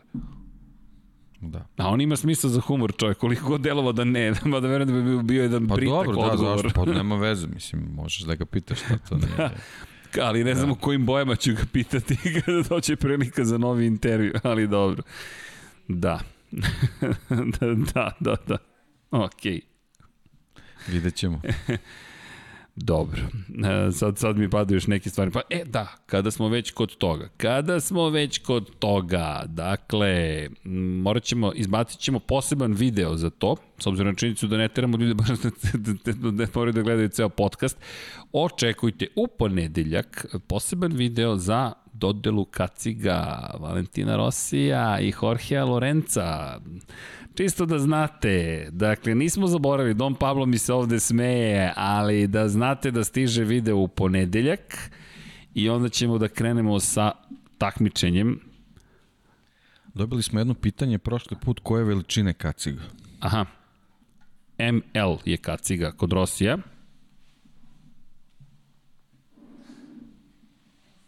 Nadam se da ništa nije palo sa stola. A kada je reč o Lorencovoj kacigi, Šta smo rekli prošli put si ti proveravao? Dakle, šta si ti godin, ne možeš više ni da vidiš. Molim? Haha, ovde je neka prozivka. Čini mi se da je ovo L, ali moram da proverim još jednom. Inače, potpis, hoćeš ti da proveriš, meni je malo oko čudno, potpis nam je na viziru, tako da znate. Tu je potpisao Jorge Lorenzo. Naučare, hvala Don Pablo, razgovarat ćemo kasnije. No, činjenica je da, eto, u ponedeljak ćemo izbaciti video, kratak video, da bi bilo jasno šta treba da se učini i to ćemo da radimo u nekoliko nedelja i onda ćemo... Nisam uspeo da vidim. Nisi uspeo da vidim, da. Dobro, sve ćemo to na znanje, tako da čuvamo ih, nemojte da brinete. Ali eto, navijači i obožavaoci, potpisana, Valentino Rossi potpisao, potpisana, Jorge Lorenzo potpisao kada dođe vreme za... Mar, ovom, ovom moramo da vratimo Mini, hvala. Ostavila nam je za... Dok ne budemo ponovo na stazama pa je nabavili. Ali... Da, to, to je zastava koja, koja je pozemljena. E, Dom Pablo mi se nešto smeje, nisam... Da, možda sam ja pogrešio sad. Možda je moja greška. Ispravljam je Dom Pablo, izvinjam se Jovanina. Ok, izvinite, molim, neće se ponoviti. da, Jovan, Mina, ni, izvini, molim te. Dobro, to su godine, zato ste vi mlađi tu da me podsjetite, tako da je sve okej. No, sačekajte eto u ponedljak pa ćete znati šta treba da se učini.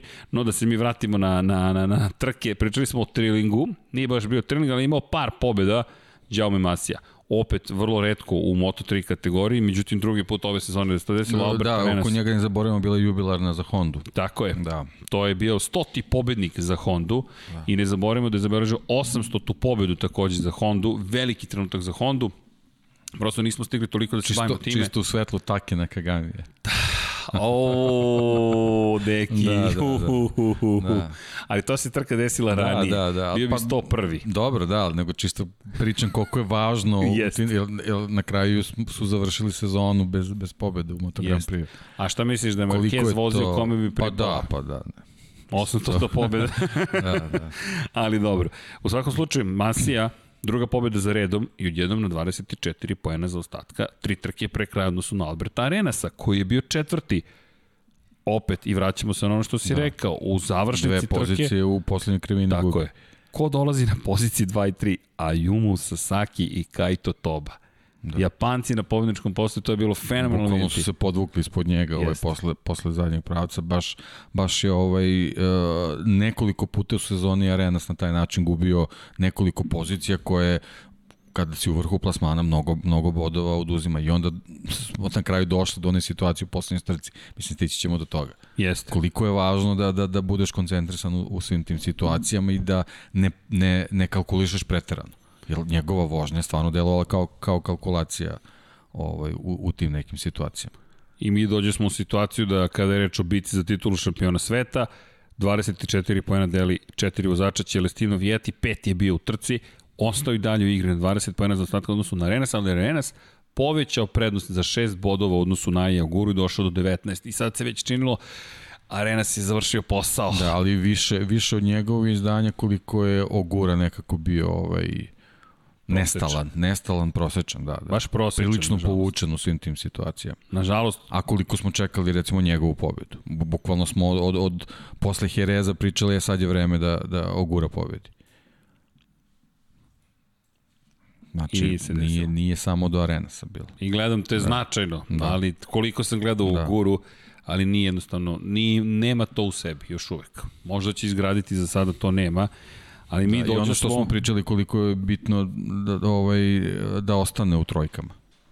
Baš zbog te, te ovaj, izgradnje tog karaktera. Ja se slažem, ja bih volio da je ostao u Moto3, volio bih da nije napuštao, da, da, da jednostavno mislim da je prerano otišao u Moto2 kategoriju. Nema probleme Upravo to, u kontekstu to, problema da. koji su imali neki vozači koji su zbog svoje kor korpulentnosti morali da idu, previsoki su postali za Moto trojke, kod Aja Gure to nije slučaj, prosto mislim da ga Honda Team Azije pogurao napred i izdihara su vratili, Andy Farid izdihar je dobio priliku da vozi u Moto trojkama i to je problematično kada nekog gurnete prvo u Moto 2 pa ga vraćate u Moto 3 da negde svi Ono što sam dovežem- rekao, mislim, to su različiti svetovi i Jesu. ja, jako je teško uklapati se posebno kad imaš ovako ove netipične sezone i ove, ove probleme da ne možeš ništa da planiraš to tako brzo preskakanje, ne znam, ajde vidjet ćemo možda Možda grešimo, možda, vidi, da, možda, mu mnogo više odgovara ova to, kategorija, upravo a to, to, se to- nije videlo na prvi to ne pogled. mora, ne mora ništa da znači, tako da, da vidjet ćemo. I dođe smo mi dokle.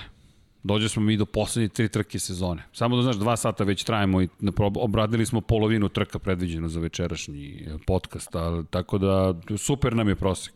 Ali dobro, požurili smo. I dođe smo do 16. pozicije u treningu broj 1. Yamaha Monster. Gerrit Gerlof.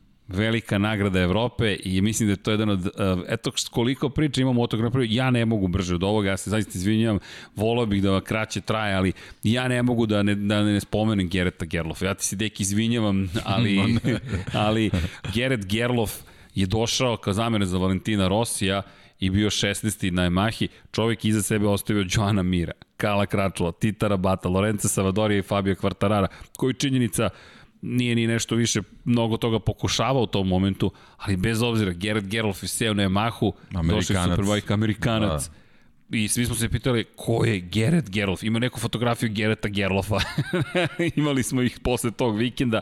16. pozicija u treningu broj 2 na strani garaže koji pripada Valentinu Rosiju kao njegova zamena, koji je čekao novi negativni test i dozvolu da dođe na stazu. Jurio je da stigne do subote da bude na pisti tim koji radi sa jednim Valentinom Rosijem i radio sa Gerritom Gerlofom. Dobiti takvu priliku, takvu privilegiju, čast i nešto nevjerojatno, ali Gerrit Gerlof se odužio konstantno je bio samo jednu i po sekundu sporiji od vodećih i nadamo se da ćemo ga vidjeti ponovo u Moto Grand Prix, ali to mi je priča broj 1 bila za tu veliku nagradu Evrope. Da, prava priča jeste veliko finale počinje. Poslednje tri trke u tri nedelje, kome će pripasti titula šampiona sveta, ali za mene to je jedna, uslovčeno, mala, ali zapravo velika priča. Baš je velika priča da dođeš i da sedneš u Rosijevu garažu i da ti neko kaže, evo ti Rosijev motocikl vozi Da, evo ti Hamilton u bolidu vozi.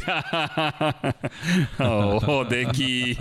O, da, čekaj, pa eto, imali ti, ti smo, želiš, čekaj, imali smo te, u, u ovoj sezoni smo imali te, da te dve stvari. Zauvek. imali smo te dve stvari, tako da ovaj, Ja ću da spustim slušalice, ti ne, ako, preuzmi. ako neko u tom trenutku nije mogo da ovaj, kao proceni šta je to. Evo sad smo dobili ovaj koji je pratio Formula 1 zna kako to izgleda. Dobro, šta, šta, šta? Kad, kad ti neko da mašinu od legende. Pazi, iza tebe se vidi da. kačkica brojem 44 da. sa potpisanim. Da, to je Hamiltonom potpisani kačkice. Potpisane kačkete smo inače poslali, podelili. Ako nekom nešto nije stiglo, javite nam ljudi. Ja mislim da smo sve poslali. Ali i kačkete i majice, sve smo podelili dukseve, sve što smo imali, nismo baš sve još podelili, podelit ćemo. Još ali... nešto nije stiglo, treba onaj Treba da nam stigne knjiga, da, da, nije da, nam da, stigla knjiga, dakle do, dobili smo pitanje kada stiže knjiga još nam nije stigla. Čim stigne, šaljemo dalje, nemojte da brinete. Imamo ove starije verzije, ali ako ne stigne novija, poslaćemo jednu od njih, međutim bolje da stigne ova najnovija verzija, a naredne godine kada stignu 2000, za 2021. i njih ćemo da delimo, to smo se dogovorili, to sa Dornom organizujemo, ali, ali, da se, ali čekaj, sad si otvorio si crvotočinu. Pa dobro, mislim, nije isto, ali, ali eto, to je, to je ta relacija. Kad, kad neko uđe u tu garažu... I šta su nam zaključci? I, da. Pa, zaključci, Moto Grand Prix Formula 1 nisu baš, ali dobro, nije baš isto. Nije isto, nije, isto, ali, ali nije da budemo isto. potpuno pravedni, da. niti Gerrit da. Gerlof vozi da. u Moto Grand Prix, niti da. poznaje te gume, Tako je, ma, niti naravno. kategoriju, nije jedan na jedan, ali da. intrigantno. Ali znaš kako, kad, to što kažeš, kad ti neko da taj motocikl s brojem 46, samo ga prelepi. Zamisli, kako taj, zamisli taj koncept, da ti da. dolaziš na Pritom, stazu. Naš, taj, to je momak koji, koji ima tu želju da iz Amerike dođe u, u svetski šampiona, to on je rekao, ja nemam problem, ja ću Moto2 da vozim, znači uopšte nije, sve jedno je Superbike, Moto2, Moto Grand Prix, ja sam tu. Tako da njemu je sigurno mnogo značilo. To je to je ono što je, što je ključno i što je to ozbiljna škola, mislim, to je to je stvarno iskustvo. Videćemo videćemo ga u Superbajku sledeće godine kako će to kako će to sve da funkcioniše, on je dalje u tom junior timu Yamahe Vidjet ćemo. Tu Čekaj, deki, dolaziš na, dolaziš na stazu, baviš se motociklizmom profesionalno i neko ti kaže važi, evo ovo je, Valentino, ovo je garaža Valentina Rosija, ovo je Alex Briggs, ovo je Brent Stevens, ovo su tvoji Massimo Meregali, ovo su tvoji ljudi, sa njima radiš ovoga vikenda i ovo je motocikl na kome je ostalo su i kuca i maca i sve ostalo i ti znaš kome to pripada, samo ne piše doktor na tome i ti treba da sedneš i kažeš važi, ja ću Znaš sad... da niko drugi nije sedao na tom motociklu, niko, to je njegov da, motocikl. Da, da i ti kažeš, da. ok, ja sam skroz cool. Pošto to je samo čovek koji se nalazi na, na knjigama, na, na, na, naravno njegova kaciga. Zato je Gerrit Gerlof meni bio da, početna priča. Da, u tom trenutku Gerrit, je bilo Gerlof da, se pojavio. zanimljivo. I jeste. A Rossi nije u tom momentu, nije, nije pitanje forme. To je dalje Valentino Rossi, to je dalje legenda ovoga sporta. Kao što smo počeli sa Markom Markezom. Zašto? Pa to su ti ljudi koji vam opisuju sport. Pa i Hamilton ga opisuje. Da. Spomeneš, neko izašao iz pa tog ne, bolida. To su, to su vozači koji se ne pojavljuju svaki dan, svake godine. Ne, nego ne. Oni su obeležili jedan period, neko, neko duže, neko kraće, ali jednostavno ne, nema ih više. To je, to je poenta. U svakom slučaju lepa priča. Valentino da. Rossi se pojavio u subotu, rekao bilo je lepo, čuvao si mi Yamahu, pohvalio Gerta Gerlofa, ali je rekao to je danje moja Yamaha i dođu smo mi do kvalifikacija. Do kvalifikacije, inače nismo spomenuli kvalifikacije, to sam zaboravio, za veliku nagradu Teruela. Probio se do Q2 dela kvalifikacija John Mir, ali bio 12. Ništa nije uradio u tim kvalifikacijama. Dođu smo mi, međutim, na veliku nagradu Evrope, staza Ricardo Tormo i u Q1 delu kvalifikacija je bilo raznih uzbuđenja. Miguel Oliveira uspio da se probije zajedno sa Žanom Zarkom napred, međutim Mir, Rins nisu imali probleme, ovoga puta prolaze ponovo u Q2 deo kvalifikacija, Rins u kvalifikacijama na poziciji broj 2. Na poziciji broj 1 Pole Spargaro, Takaki Nakagami, pozicija broj 3. I Nakagami je rekao ja želim da se borim za pobedu. Mir je bio na poziciji 5, ispred njega Zarko, Aleš Spargaro odlično napravili na poziciji broj 6. To su bile kvalifikacije. Iza njih Miller, Oliveira, Morbidelli, Binder, Quartararo i Dovicioso. Quartararo 11. Suzuki uradio ono što je trebao da uradi, što smo pričali, znači ključno je bilo da, da u tom finišu, ako računaju na veliku količinu bodova i neke lakše, le, lakše trke u smislu razvoja događaja, da se nađu ovaj, u samom vrhu, a Quartararo, mislim, eto, ništa, to je jednostavno potvrda te njegove krize koje, koje je nastupila od tog trenutka, od tog problema sa, sa, sa gumama. I pre nego što krenemo u trku, u Aragonu velika priča broj 2, da ne kažem bila je suštinski broj 1, ali ja više volim ove ljudske priče, Yamaha. Kažnjena, ustanovljeno da je prekršila propise, izgubila 50 pojena u šampionatu konstruktora, vozači nisu kažnjeni, Suzuki se oglasio, Andrea Doviciozo se žalio što njegovom menadžeru njemu nije dato više od 60 minuta da ulože žalbu na pristanak Ducatija da se ne odbiju poeni koje su usvojili na de facto ilegalnim motorima vozačija Mahe, što bi popravilo šanse Andreja Dovicioza u šampionatu sveta, možda ne za titulu šampiona, ali za drugo ili treće mesto, što bi mu donelo veći bonus. To je objašnjenje bilo njegovog menadžera kasnije. Kako god dramatična, skandalozna situacija u kojoj... Ne znam kako ti to vidiš, mislim, ja, ja bar ono što sam mogao da protumačim, uh, te, te, ti, uh, ti ventili o, jednostavno nisu poboljšali performansu. Koliko sam ja razumeo. Oni su samo jednostavno uh, pogrešnu proceduru imali. Jeste. Znaš, tako Međutim, da... to, to je siva zona, to je pa, toliko siva zona, to, to je problematično. To, tako da ja verujem da, da, da su se tu pronašli ti džepovi uh, koji su uh, ljudima koji su odlučivali u kazni jednostavno dali za pravo da, da, da vozače ne, ne kazne tako drastično, pritom, znaš kako, tu se verovatno i razmišlja o tom trenutku ta, u toj sezoni zamisli da, da se izdešavalo to sve, da, da, da, da se oduzme ta velika količina bodova, to bi baš bio veliki potres. Jeste. Tako da, znaš, morali Neki, su da odvežu... Ostado smo mi bez publike, izvini. Odoše gosti. Vratite nam se. Šalu na stranu, ali to ti je već signal da trajemo. ali nema veze, to da. je nevažno, uživamo. Dakle, nadam se da, da uživaju niko i prate, ali izvini, da. prekinuti. Jedno te kažem, mislim da, da, da je tu bila samo stvar tumačenja da, da, da sve nepravilnosti nisu popravili performanse. Eto, ja, ja to nekako tako gledam. Ne, ne mora da znači da je tako. E, ali... Željena, mislim da nam je da. univerzalna želja da, da Da Jednostavno vozači... ekipa je kažena zato što procedure nisu ispoštovane na način kako treba, to jest nisu prijavljeni proizvođači na, na način kako je trebalo i korišćeni su delovi od proizvođača koji nisu bili prijavljeni u protokolu. I, znači, i sve... ja, ja to nekako tako tumačim. I, I sve to stoji. To generalno nema veze s vozačima. Jeste, a, ali, da. ali otvara se... Otvara se, ne, naravno, kutija. naravno, sve, sve, nego kažem to što si ti rekao, tu postoje neke sive zone koji su jednostavno išle na ruku vozačima Yamahe da oni ne budu ti koji će biti, biti kaženi toj situaciji. Suštinski, mirovom titulom je izbegnut mnogo veći problem. Da. da je neko od onih e, koji su da. imali te tako motore, je, tako e, onda bi ova tema tako bila je. velika. Tako Ogromna bi bila tema i njome, njome bismo se i tekako bavili. Pošto je Miro osvojio titulu... I to, i kad vidiš ti te upside down performanse Yamahe,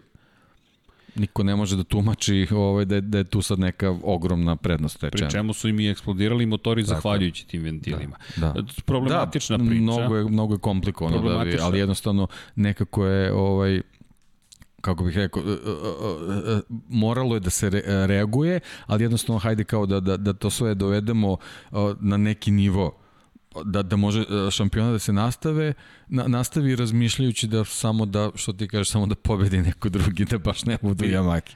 I eto, ono, desilo se upravo to. Razumem tvoj da. stav i da. podržavam taj moment da, da bi bilo zabavniji i tako dalje. Međutim, s druge strane, ne mogu da podržim to što učinio iz jednog prostog razloga.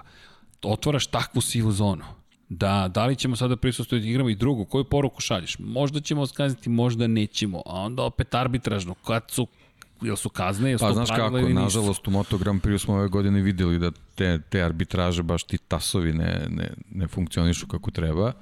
Ovaj, e, tako da, da to, je, to je jedna stvar koja u toj organizaciji mora da se definiše u, u, ovaj, u sezonama koje slede. Da, to je... Jer, jer ovakve ovaj, odluke nisu baš dobre. Ali kažem, ja jednostavno, to je moj stav u ovom, nisam, nisam to video tako dramatično kao da, da se vozači ne kazne. Ovaj, evo, na kraju krajeva, stalno poredim, povlačim paralelu sa Racing Pointom. Kad je, kad je otkriveno ono ono da ilegalno ilegalno ovaj, ilegalan vozače bolid, tako. vozači nisu ovaj ostali bez bodova dešavalo se u Formuli da, 1 i kod da. McLarena i tako dalje.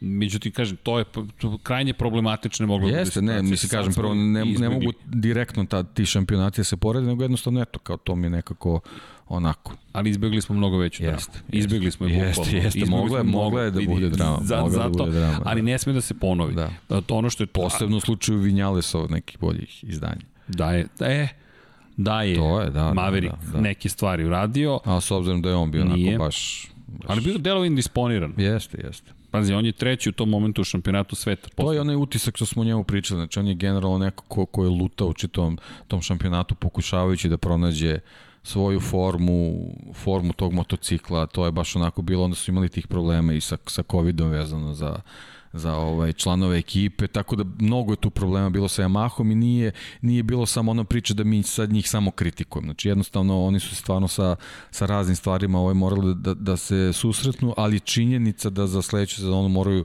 mnogo bolje da se pripreme. Ono što Počevši tu... od Lina Jarvis, izvini. Od šefa Yamahe. da. Ali ono što je to problematično bilo iz perspektive šampionata je što je razlika u tom momentu 14 poena između Kvartarara i Mira, 19 između Vinjalesa i Mira i Franka Morbidelli na 25 pojena za ostatka. Dakle, i Mahini vozači koji su u prekršaju i dalje imaju ogromnu šansu da nešto učine. Rossi, nažalost, pet nezavršenih trka na poziciji broj 15, daleko, daleko više, ni teoretsku šansu nije imao da osvoji titulu. Tako da je ta priča bila zaista velika. Ne, u tom trenutku je... Ogromna priča. Je, da, Ali da, pogledaj kako je stavljena ad acta. Kako je stavljena ad acta pobedom Đana Mira prvom, još uvijek jedinom u karijeri. Da. Ali Mir, njegova trka. Svako ima neki svoj, uslovno rečeno masterclass. Ovo je bio njegov. Da. I koji je bio drugačiji, do kraja trke je bilo neizvesno, do prve pozicije došao greškom zapravo, greškom Aleksa Rinsa, koji je prilikom menjanja brzine napravio grešku i samo blago produžio pravo, iskoristio priliku. Da, Mir savršeno mir. skrenuo i Jeste. to je to. Da, Jeste. Da. I taj duel koji su oni vodili i fenomenalna je bila botka, bitka, botka. bila je fenomenalna bitka Pole Spargaro, inače koji je završio na trećem mestu, ali ono, ono, dve, nekoliko velikih stvari. Prvo, mir u momentu kada svi pričamo nema pobedu, hoće li biti prvi još od Emilija Alzamore 1999. godine u 125 kubika da je osvojio titulu bez pobede. Prvi u istoriji kraljevske klase da osvoji titulu bez pobede on dolazi u direktnu duelu sa čovekom koji ima identičan motocikl koji pravi grešku do pobede. Da, I... ali, ali moram, mislim, ja bar moram da napomenem, znači posle Rinsove greške njegova timska džentlmenska vožnja. To, to mora da se napomene. O, jednostavno Mir je imao sreće da je u tim trenucima imao takvog timskog kolegu kakav je Alex Rins. Misliš da nije hteo da ga napravi? Pa ne da nije pa... hteo, nego jednostavno znaš, neke stvari su nepotrebne nekad. Znaš, ne, ne trebaš na silu da forsiraš nešto što ne moraš da uradiš. Ja, ja bih to tako rekao. Ne, Sećaš? ne, bih, ne bih rekao da, apsolutno sam siguran da niko njemu ništa nije naredio, to, to sam milion posto siguran, pa. ali samo s druge strane jednostavno, znaš, Alex Rins je mnogo puta i ove godine pokazao da ume da, da procenjuje situacije na pravi način. Jesi, se, se sećaš izjave Davida Brivija, to smo videli u kasnim snimcima iza kulisa, kada kaže kako dolaze u Park Freme, u zatvoreno parkište, i dolazi Alex Rins i viču s obzirom na činjenicu da mora da postoji obavezno odstojanje zahvaljujući pravilniku o COVID-19 i viče Davide Brivio šta se desilo? Kaže napravio sam grešku. Grešku? Mislio sam da si ga pustio. I Rimsko kaže nisam, na pogrešio sam u brzini. I vraćali su taj kadar, vidi se tačno promjena. Da, da, vidi, ne, ne, pogrešna. ništa nije sporno, ništa Greška, nije sporno. ali ni Brivio da. nije bio siguran. Čak A, i šef moje, tima pomislio. Moj utisak znači da je, da je od to te greške kad su se zamenili ovaj u vojstvu, da je Rins bio tu u slučaju da Mir pogreši sigurno bi preuzeo prvo mesto. To ti je utisak? To mi je utisak. Znači, Zanimljivo. ne, ne, bi ga, ne bi ga pustio. To mi je skroz ali, zanimljivo. ali mislim da jednostavno ni on nije bio ovaj u fazonu da, da, da vrši nepotreban pritisak na, na, na Joana Mira i mislim da Davide Brivio ima dva Čekaj, savršena vozača za ovu sezonu. Za sledeću Ali to mislim da su oni vidjeti. komplementarni vozači. Upravo to, Mislim da se uklapaju to. savršeno Upravo u to. timsku tu sliku. Upravo to. Na razli, različite Upravo to. kvalitete. Mislim da je Alex Rin savršeno razumeo situaciju Zanimljivo. toj trci. Čekaj, si to pomislio tada ili ti to Pa bilo tad neka mi je već- dodatna tad mi je već delovalo. Jer smo radili analizu tad toga, je- nisi spominjao. Tad mi je već delovalo. Mm, deki, Znaš. kuvalo se o... Da, da. Pa, kako bi ti rekao, znaš, on, sad, znaš, kad pogledaš sa, sa distance neke stvari, znaš, jednostavno mislim da je on čovek koji ume da, da, da proceni te Zanimljivo. situacije. Da. Ali dvostruka pobjeda prva za Suzuki posle skoro 40 godina. Pa zamisli da, da ti budeš taj koji tu napravi neki veliki problem. Andreja Janone. Protiv Andreja Dovicioza. To si ti rekao. To, da. to sam ja rekao. Ne, ne, to pa sam ne, ja ne, rekao. ali upravo to ne, ne, je to. Okay, to je to. problem Znači, sa tim. znači neke, neke stvari ne bi trebalo da se dese. Čekaj, da se citiram, to se ne radi. To se ne radi. Da, to se ne radi. Znači, to nije, to nije sad, a, znaš, a, nisi ušao u tu situaciju zato što kao nisi sportista. Ne, nego Jasno. ti si taj koji treba da u, u određenim situacijama proceniš šta treba da se uradi. Vidi kako Kažem god. ti, znači da je Mir bilo šta uradio van onoga što je, što, što, e, šta je učinio, znači da je na bilo koji način uh, uh, uh, kompromitovao svoje prvo mesto. Ja mislim da bi Rins iskoristio situaciju i prešao, ali on jednostavno, Rins nije hteo da bude taj koji će da dovodi neku, neku situaciju u problem. Skroz zanimljivo. Da. Deki, sad si me naterao da razmišljam o tome na Pa, drugi način. eto, ali okej, pogledaj moram da ono- pogledam trku da, ponovo. Znači, Hvala. sve je, što se Okej. tiče obojice, posle uh, Rinsove greške bilo savršeno. Apsolutno savršeno. Ovo mi se sviđa. Nešto novo za razmišljanje da. tokom zimskih meseci. Ali kažem ti, to, je- to je sve što je išlo na ruku Davidu Briviju. Da li to znači da će morati da analiziramo ponovo tu trku? Možemo, Šalim zašto da ne, zašto Ali da vidjet ćemo. ne. se. U svakom slučaju, prva dvostruka pobjeda. Rins je bio na 37 poena za ostatka, ali mnogo važnije od tih 37 za poena za ostatka Aleksa Rinsa što je Fabio Quartararo pao na 37 poena za ostatka.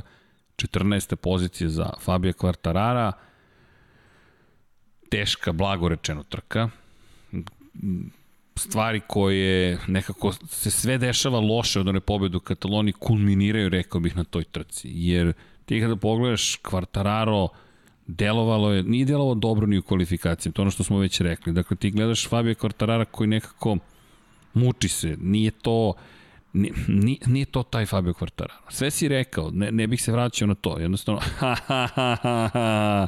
o, Vanja, Vanja, čekaj, su ovo neki niski udarci, šalim se, te brkove ćemo zapamtiti. Hvala za stiker.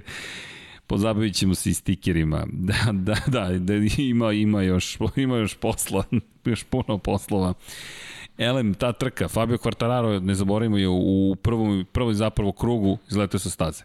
Napravio je grešku, situacija Da, ono, greška na kočenju. na kočenju da, da. pratio je... Ali, ali on je tu džentlmenski stvarno odradio, ovaj, videli smo ovaj, on board snimak, izbegao je, zamisli da je slučajno zakačio Mira ili bilo bi A ne, to je još prva greška, da, između da, da, krivina 1 da, da, i 2, kada da, je otišao da, da, sa leve na desnu ta, stranu. Ta, na, na tu grešku. Da, da, da, da, da, da a kasnije je pogrešio na kočenju. To je sad već, on, to je već sled događaja, da, znaš, treba se primiriti posle te greške, ali to je teško zbog sveg pritiska koji je već imao, ovaj, tako da, upravo to što se rekao, ali, to je ta neka kulminacija sa tim problemima. Ali, izvini, poštujem. Da. Šta hoću da kažem, poštujem, ostaju trci. Da, da, da. Ostaju da. trci, svaka mu čast na tome, ostaju trci to je, u kojoj To je taj suštinski... neki element koji je njegov veliki plus. Jest. I, i na, na osnovu toga treba da gradi samopouzdanje za kasnije. I ostaju Šta trci. god da se desi, ostani vozi. Ostani Fabio Quartararo, da, da. to si ti, to Ostani je tvoj vozi, budi poslednji, ali ne znam, zabeleži najbrži krug, uradi, na, pronađi neki, neku motivaciju u lošoj situaciji. Znači, ali ostane stazi. Da, ne, nemoj da, da, da, da, da te samo taj teret pritiska, Deki, to je bitno. Ostaje na stazi. Jeste, ne. U momentu kada sporno. gubi titul. Ništa sporno, da. Ne samo što gubi titul, nego ti vidiš tandem Suzuki ko, koji dominira. Dominira, dominira. briljantno I onda vozi, ona tužna da. scena kada on zapravo uplakan jeste u garaži. Da. Ali je završio trku. Svaka mu čast na tome. Zaista mu svaka čast na tome. Inače na pobjedničkom postolju stari, dobri, Pola Espargaro četvrti put na treće mesto ove sezone. Espargaro, to si već rekao. To je, da. to je ta konstanta, bukvalno konstanta i dočekam da ga vidim na Hondi. Da. Četvrto mesto, konstantni Takaki na Kagami koji napravi tu jednu grešku na trci pre i onda nešto što je moglo da nam da nam da najavu za ono što što što dolazi Miguel Oliveira i Jack Miller koji su bili zaista dobri i iz perspektive preostale dve trke. Da, Miller koji ima mnogo mnogo eto nekih pehova ovaj Jest. u prethodnim trkama, eto tu onako polako ovaj dolazi oko onako kao ko bi rekao da je Valencija kao sad neka staza za Ducati, ali tu vidiš da... Ali narednog vikenda smo da, videli da, da, da. svašta. I, I još jedna stvar koju bih napomenuo u toj cijeloj priči jeste zapravo vožnja Aleksa Markeza koji izletao sa staze ponovo, gde nekako ta brzina koja postoji sada da. kao da ga malo usporava jer te želja je, želja je ogromna i Pa, znaš kako, Valencija je problem za sve, ali svi dobro znaju i onda nekako ono, uvek tražiš više od sebe i to je onako nekako potpuno prirodno. Znamo ovaj, Markove, ovaj, te neke situacije upravo u Valenciji gde stvarno pokušavaš da, da, da, da, da ne, ne samo da dođeš na limite, nego da, da ga pređeš, ali u stvari da pomeriš granicu ovaj, i onda nezgodno je. Misliš, nezgodna je staza, ne prašta baš. Ne prašta. Ne prašta, da. Što je uvod za moto da, dvojke. Da, da. Što je uvod za moto dvojke. Ne znam da li ti je to bio plan ili da, već pa komuniciramo. Ali, ali okej, okay, talasi su. Smo, prošli smo ovo. pa talasi da, su da. tu, ali... Jednostavno ne, Moto Grand Prix, znači savršena trka za Suzuki iz te perspektive borbe za titulu i jednu i drugu. Savršena. I u šampionatu konstruktora. Znači, okay. nije, nije da moglo bolje da to. se, nije moglo bolje raspred što, što se njih tiče. Znači, da Mir pobedi, da Rins bude drugi savršen. I Suzuki koji je preuzeo, koji je već to, tu upečatio, ima 7 pojena prednosti da. u odnosu na Ducati. Da što na kraju se ispostavilo da nije bilo dovoljno. Nije bilo dovoljno, ali, ali u tom trenutku deluje da... da Sve je savršeno. Da će da bude bum u, u, u jubilarnoj godini. I u šampionatu timova da. 82 pojena da, prednosti da. u odnosu na Petrona Simaku. Jel, jel sa tom pobedom Mira već je onako kao čekaj, tu je vozačka titula, To tu je, 37 pojena prednosti. On je pokazao kako se, kako se, kako se vodi s tim pritiskom. Jer ono što sam vam rekao, mislim, daleko toga da, da ovaj, uh, Rins, uh, Mir i Rin nisu vozili na limitu. Da se razumemo, znači tu je apsolutni limit bio, ali niko od njih nije, nije morao da ga pređe, jer su znali pre svega šta to znači za ekipu. Koliki ulog bio. I zato se to tako završilo apsolutno savršeno za ekipu. Bez, bez dileme ikakve. Deki ne pušta u veliku nagradu da, Evrope. Da, dobro, a, a lep sam upod da... napravio sa tom koncentracijom da. za Moto dvojke. Može. Samo da kad pređemo peti sat, da ne bude posle Može, srđan. znači Marquez, limiti, staza ne prašta. Staza ne prašta, ok, idemo nazad. idemo nazad, idemo nazad. I šta nije oprostila? Nije oprostila Samu Lowsu.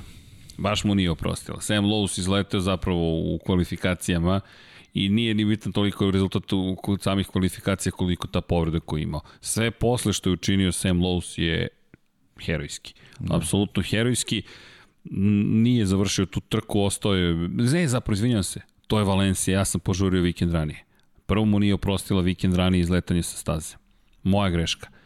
Prvo mu nije oprostila izletanje sa staze, on je bici u krivini broj 6 u levo je samo nastavio pravo i tada se nije povredio, povredio da. se narednog vikenda ali ovde je ostao bez poena i počeo da zostaje šest bodova u odnosu na Eneu Bastianinija. Došli smo do toga da je napravio greška koja je bila atipična ili bolje rečeno sada tipična. To jest treba sad da, ovo je postalo... bio, da, ovo je bio pravi Sam Lowe's, neki, neki iz prošlosti, da. da.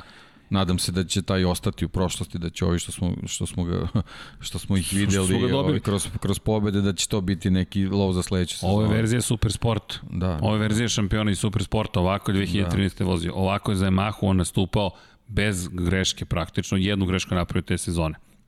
Ali Sam Lowe u svakom slučaju bez bodova. Pobeda Marko Beceki. Marko Beceki na prvom mestu ispred Kažem, svog meni, meni jednostavno on je u tom finišu, on, on uz Diđan Antonija ima to brzinu, ima je taj neki tempo, imali su tu formu, padali su u Aragonu, ovo, i evo, ovde, ovde je pokazao da, da, da jeste u formi, da, da je to to. Je sad, nažalost, sad si već u nekoj situaciji, imaš mnogo ovaj, bodova minusa, ali nije bitno, znaš, bitno je da, da, da, da beležiš pobedu da bi vratio samopouzdanje. Tako da, ovaj, kako bih ti rekao, nekako mi je bilo očekivana ta pobeda njegova. I Deki, izvini, dobijem upravo informaciju koja nema veze toliko sa ovim, ali da li mi to imamo lansiranje SpaceX-a Za 45 minuta i 20 Eto. sekundi. Eto. O, pa pazi sad ovo, deki. Za 45 minuta i 20 sekundi date nam još pola sata za MotoGP i onda brzinska priprema i idemo kosmos lansiranje SN8 Starshipa. Eto. E, ali moraš onda da radiš tamo. Obukao si Red Hot Chili Peppers da. majicu. I'm with you. To je, to je bila ta turneja. Pa vidi, to je to. kako bih ti rekao, mislim da kosmos ti ja šalje jasne poruke, moraš da ostaneš I'm with you. dogovoreno. Eto ga, o... Eto da ja nešto naučim, malo da te slušam iz prvog reda. da naučiš i dobacuje, da, suflira, da. tamo samo dobacuje čaka jegira. Nažalost, izgubili Moderni smo čaka Milivo Jugin, da.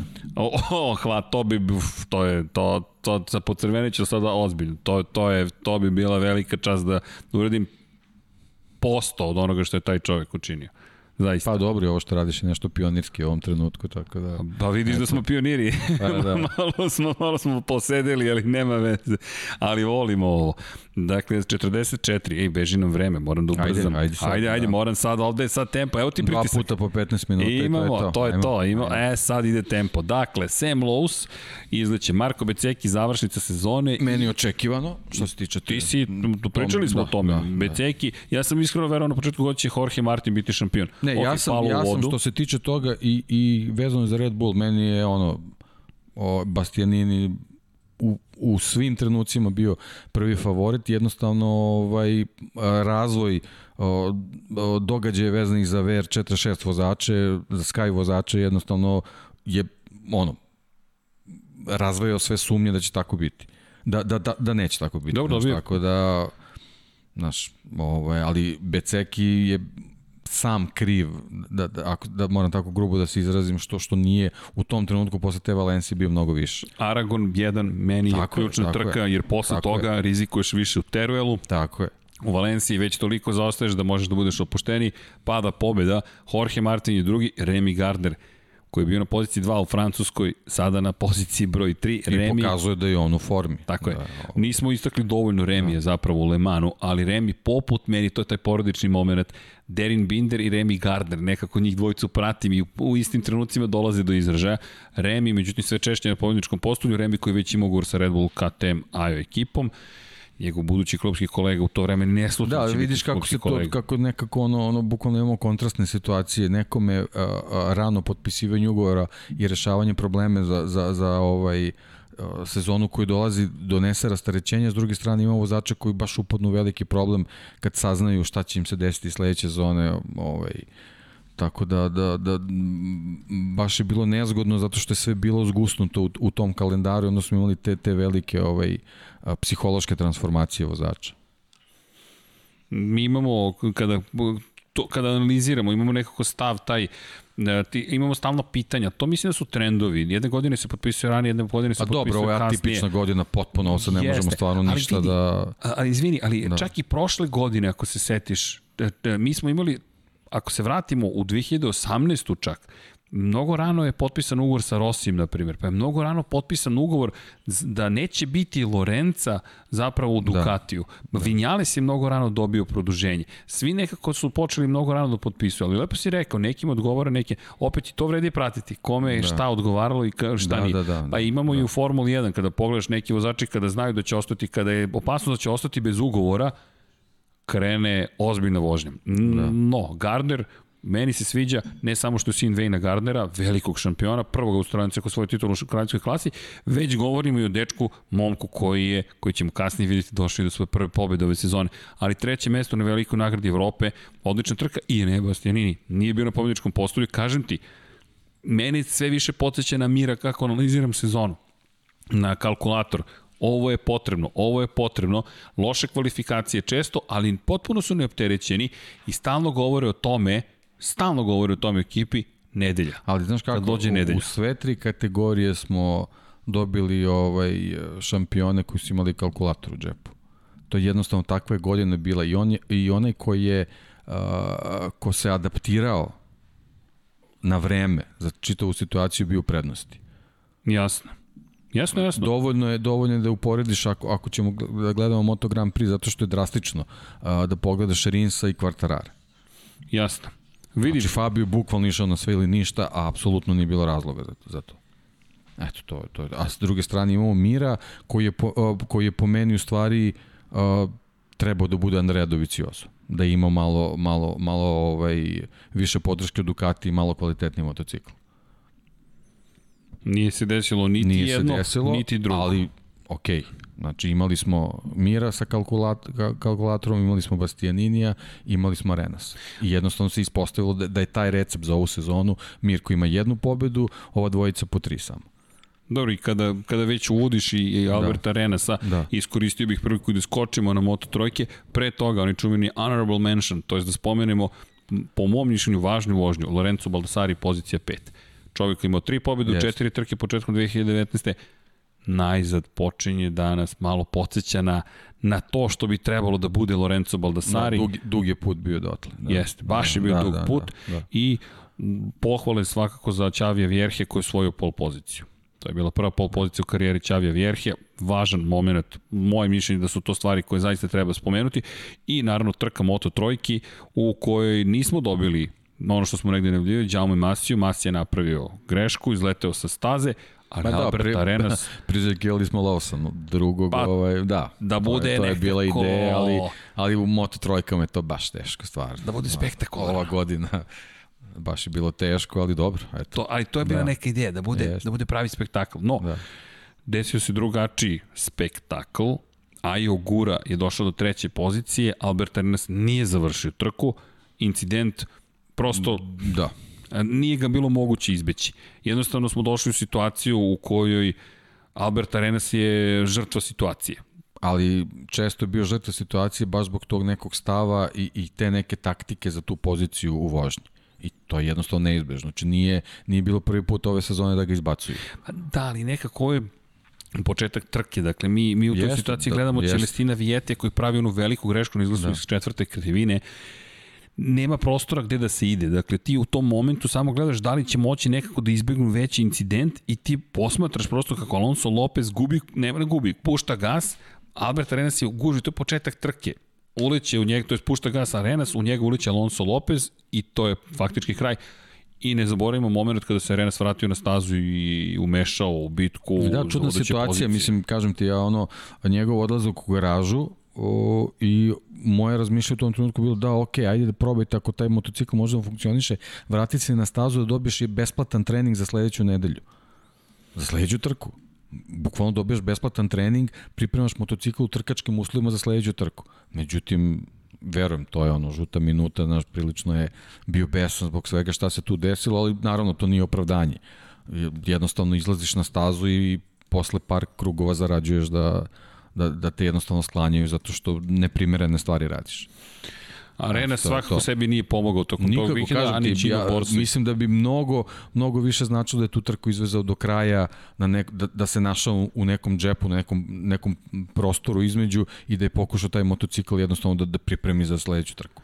Ani Gino Borsi nije pomogao pre početka da. vikenda, dobio je kaznu i upozorenje. Gino Borsi s obzirom činjenicu da optužio Leopard implicitno za nedozvoljene radnje. Da, dobro, slučaju, to je već pritisak, to je sad tako situacija. To je sad i igra. Jest, I igra između kreće, timova. Tako ko će koga veći pritisak da izvrši. Međutim, ko nije osetio pritisak u toj trci? Raul Fernandez kakva dominacija. I to smo ko stalno govorili, ako uspe da povede i dođe do kvalifikacijnih krugova, ovaj čovek će... Da, ali to baš nije izgledalo kao Moto3. Baš je nije, ne, ne, on izgledalo kao Moto2 iz neke ere, da, ne znam, Tonija pa, Eliasa. Da, to neke, neke 500 znaš da su uvek neko Ode, izdvajao. E, bravo. Da, da. Odem i baš mi, baš mi onako Znaš, kao, znaš bilo mi je drago, da. kao super, ali kao, tako čak ali delo je prilično nestvarno. Tako znaš, su da. pobeđivali Casey Stoner, Jorge da, da, Lorenzo, da, pa to, to, to, to, to, na, na, na, na, na, se neko odvoji, da, da. Čak ni Marquez ne vozi tako. Da. Ma čak... ovo nije ni bio hronometar, ovo je bilo baš onako... Dominacija. Agresivno, da, da, da, baš Pungas. dominacija, onako sigurnost maksimalna u svakom trenutku baš onako. Ali sjajno prva pobjeda da. u karijeri. Dobro, mislim tu za, za tu razliku malo i, i te neke borbe koje su odvijali za njega su malo doprineli, apsolutno ništa ne umanjuje, baš je baš majstorski bilo. Bilo je sjajno. Iz da. te perspektive Raula Fernandez gledati kako dolazi do prve pobjede i kako je slavi, mada je opušteno dosta prosto i bilo je spektakularno. Sergio Garcia, pozicija broj 2. Garcia koga nema cele godine da dođe u Valenciji gde slavio pobjedu prošle godine, bude na drugom mestu, a Jogura Sve pohvale u ključnom momentu kada ima priliku, smanjuje razliku u šampionatu na samo 3 poena, dve trke pre kraja. I... Da, ali ne treba zaboraviti, mislim, ta situacija sa Renosom, Renos se vratio baš na stazu Ne verujem slučajno. Mno, I, mnogo je nepromišljeno bilo stvarno. I, znači, vratio se na stazu u, u grupi u gde je bio Ogura. Ali srećom nije da. uticao. Ja, Znaš na koga je uticao? Na da. Derina Bindera. Da. Njega da. je odvojio. Da. Njega je odvojio. Derin Binder na kraju bio peti. Ali da ne zaboravimo, Toni Arbolino je tu bio na poziciji četiri i nismo spomenuli, to je moja greška, izvinjam se, u Aragonu, ono što si ti rekao, sediš u avionu pored nekoga, vraćaš da, se bravo, kući da, da, Arbolino, i da, Arbolino da. dobije zabranu učešće na trci zato što mora u samu da, izolaciju 10 da. dana. Za razliku od nekih nepromišljenosti, ovo je neka situacija da apsolutno ne može da Sede u avionu, išao na posao. Čitavu sezonu. On se vraćao s posla da, da, kući, sa da, trke se vraćao kući katastrofa. Ali ovde uspeo da se opet uključi nekakvu igru, da smanje na 23 pojena razlike. A nama se smanjuje dostupno vreme, deki, ako hoćemo da izvedemo i kosmos. Dakle, trka za veliku nagradu Valencije. Kakva velika i važna trka za Suzuki. Čisto da podsjetimo na važnost toga. Od Kenija Robertsa mlađeg, Suzuki 2000. godine nije imao šampiona sveta. Od Kevina Švanca takođe možemo da vučemo neke, neka poređenja. 93. godina Kevin Švanc svojio titulu. Pre toga moramo da odemo na početak 80. godina da bismo pričali o Suzuki šampionima skoro pa do ere Beri, zapravo do ere suštinski Beri Da, spomenjali smo ih, Jeste. da, da. I ti dođeš u situaciju da je to taj tvoj vikend. Imaš 37 da, pojena Da, otvoreno su vrata potpuno. Potpuno Samo treba da završiš trku na pravi način. Praktično to je... imaš, imaš dve meč lopte. Jeste i moraš da završiš posao, ali treba završiti taj posao. I opet vraćamo se na Mira, verovao sam da će biti opušteniji, međutim u ovoj trci opet kalkulator koliko ja ljudi moram da odvezem da bi ovo sve prošlo kako treba. U kvalifikacijama Franco Morbidelli protiv Jacka Millera za pol poziciju. Tu se već videlo da će biti žestoko. Takaki Nakagami, pozicija broj 3 i Joan Zarko koji ne popušta, četvrti, sad u kraju sezone baš bio dobar za Zarka, Pole Spargaro, ovo je već očekivana peta da. pozicija, Maverick Vinales bio dobar, međutim, Joan Mir, tek 12. pozicija, tek 12. Da, mesto. Mir i fabrički Ducati, to je bilo. Da, i Alex da. Rins koji koji ne liči na sebe. 14. startno mesto 7 dana pošto je bio da, u startnom redu. Sad kad sam spomenuo ovaj Ducati, pa se setih, mi smo ovaj, Banjaju bukvalno izgubili posle, posle da, padu. Nismo ga ni spomenuli, više. Da, da, da. Praktično ga nismo spomenuli. Da. Ali te kvalifikacije Morbidelli stavlja do znanja šta može, gde je u celoj ovoj priči Fabio Quartararo. Fabio Quartararo pozicija 11. Da, Ponovo. to je već, da, to je već ono... Kriza. U, u, u seriju ušlo koje je, on, baš je teško da se, da se prekine. I dobijamo Njemu, njemu je trebao time out, a u stvari to se videlo koliko je nezgodno kad su, kad su vezani ti trkački vikendi, kad su male pauze između. On jednostavno nije imao vremena da se sabere, da se vrati, da se vrati u, u, u, u neku svoju priču, neki svoj film. A znaš šta je bilo tog dana? Ne znam da li se sećaš pre trke Moto Grand Prix. Velika nagrada Turske u Formuli 1. I onaj spektakl, ona potpuna ludnica na Istanbul parku, Hamilton koji obezbeđuje titulu briljantnom vožnjom po kiši i kreće Moto Grand Prix trka, seća se jednog od komentara, pa posle onakve Formule 1 neverovatno da mi Moto Grand Prix nije toliko zanimljiv. Kakva greška. da. Hold my beer. hold, hold, my, hold my beer, hold my helmet, da. čekajte, polako drugari. I kreće kakva luda trka, baš jurnjava između Franka Morbidelli i Jacka Millera. Ono je meni jedna od najlepših trka iz perspektive duela dvojice vozača. Kraljevska klasa. Kraljevska klasa u Valenciji. Da, da, da. I to je ono što je rekao Jack Miller na kraju trke. Franco Morbidelli odneo spektakularnu pobedu, ali Jack Miller koji je rekao na ovako maloj stazi, prezadovoljan. Da, ovo je bilo nije pravo žao, trka. Da, da, da, nije mi žao. Ne, stvarno je, stvarno je bilo baš uživanje. 96, 93 hiljadi tinke. Sve oči su bile ka miru, gde šta je, ali, ali njihova trka je stvarno bila sjajna. Jeste, a mir u tom, vreme, u tom trenutku sedma pozicija, bitka neka sa Andrejem Doviciozom, ali Da. Ne želim ja ništa više, ljudi, ja samo želim završiti moj posao. David Debrivi u granicama pulsa. u, u, u čijeg pulsa? da, da, da, da. Pa za David, njegove godine. Za njegove da, godine, da, da, da dobro, 120 da. dok sediš, pa nije to baš... Pa nije, nije malo nije, nije malo. Nikako, nikako. Nije bilo jednostavno. 93.000 dela sekunde, međutim na kraju razlike između pobednika i drugoplasiranog, ali ta jurnjava, to vrebanje Jacka Millera koji prati, prati, ne, prati. Ne, i sjajne vožnje bez greške, to je baš bilo pravo trkanje. Jeste. Baš bi mi bilo krivo da je neko popustio na taj način da, da se desio neki pad nešto. Ovo je baš, baš je bilo dobro ono što je tu meni... I znaš kao trka, ono, satelitski timovi da, se trkaju. Da, da, ti kad pogledaš sjajno. na kraju da nije da. Pole Spargaro. A pazi sad Pole da. Spargaro. Pole Spargaro nekako stalno je tu, a nikako da bude zvezda, nikako da bude glavnija figura tog dana. Da. Nikako da dođe do centra pažnje. Ali stalno tu. On je ponovo bio treći ali ne može nikako da kaže ljudi ovo je moj dan. Da, evo me, tu sam. tu sam, ne, ljudi, ja ponovo na političkom postaju, pa sve okej, okay, ali da. Zvezda ali dana, Franko, je, Franko i Jack Franko, Miller da, da. za bitku da. i Mir što je svoju titulu. Ali ja sam treći, ma sve okej, okay, nego imamo još ove ovde priče. Ali fenomenalno ko je, ko je KTM-ov standard postao. To je KTM-ov standard. Mada Poles Progaro najkonstantnije na KTM-u. Mislim da će nedostajati jedni drugima. No, to je za 2021. Dobro, to je sad već procenata. Jeste. Da. Vidjet ćemo. Držimo palčeve. I KTM-u, naravno. Međutim, Morbidelli Miller, poslednji krug. Poslednji krug, gde, gde je teško pretestiti. Jack koji napada, Franko koji, koji kaže ne, ne. I, i, i, i fenomenalno bilo Jack... Bira dobre putanje. Tako, ali kako je, kako je Jack isplanirao napad? Ti si mogu da vidiš na početku kada je napao, izlazi iz treći, on se spušta ka četvrto i on se tu baca. Tu ga niko ne očekuje, pogotovo ne na Ducatiju. I Franko ga tu nije očekivao. Sve, sve, sve, ali tu odjednom, a Franko nije vidio šta je radio iza. I... Da, ali vidiš kako, o, o, o, koliko Uskače. je Franko razmišljao kako nije brzo oplet on reagovao na nije. tu situaciju. I nastavljaju, da. ali Franko koji ide i kaže ne, ne, peta je moja. U petoj se ne pretiče, da se da ponovo, to se ne radi, to se ne radi. U petoj krivini ti u Valenciji napadneš, a to je poslednji krug. I pretiče ga ali i to je to. To je bilo to. To je bilo da, to. Da to nije bio taj manevar. Tako je. I jurio ga tamo kod osme, caću deseta, ne. Franco Morbidelli. I onda ponovo izlazimo na startu cilji pravac Ducati, jurim ti, jurim ti, jurim te. Ne, ne, ne. Da, blizu je linija. ne, ne, ne, da. moja A specifikacija da, vuče dovoljno dobro. ne, ne, odlično, odlično. Odlično trka. trka. Odlično. I Pol, već smo rekli, i Takaki na Kagami, Da. Sve ili ništa. Ja idem na moje treće mesto, idem, ali rekao je, da, ja sam htio pobedu. Što, što, što, ovaj, što, što smo isto ono često spominjali, kad motocikl krene da pada, nemoj da ga hvataš, pusti. Jeste, jeste, ali znaš sad ti želiš, da. želiš pobedu. I dobro, standardno sjajna vožnja sa niskih pozicija Aleksa Rinsa koji je na kraju bio četvrti i ispred pohvale da. za Breda Bindera, dobar Miguel Olivira, međutim Joan Mir šampion sveta.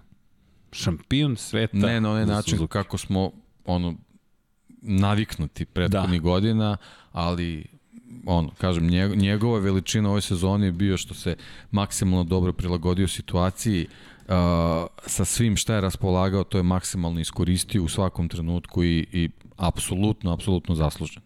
Ne, nema, ne, nema, ne, ne postoji minus na, na, na, na, to, na tom peharu.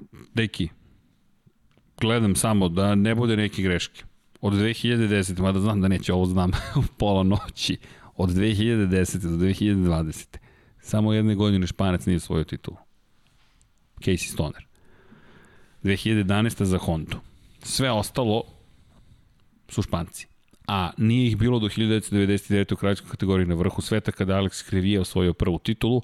Posle toga moraju se čekaju do te 2010. na Jorge Lorenza. Ponovo Jorge Lorenzo, Mark Marquez, Mark Marquez, Jorge Lorenzo, Marquez, Marquez, Marquez, Marquez, Joan Mir.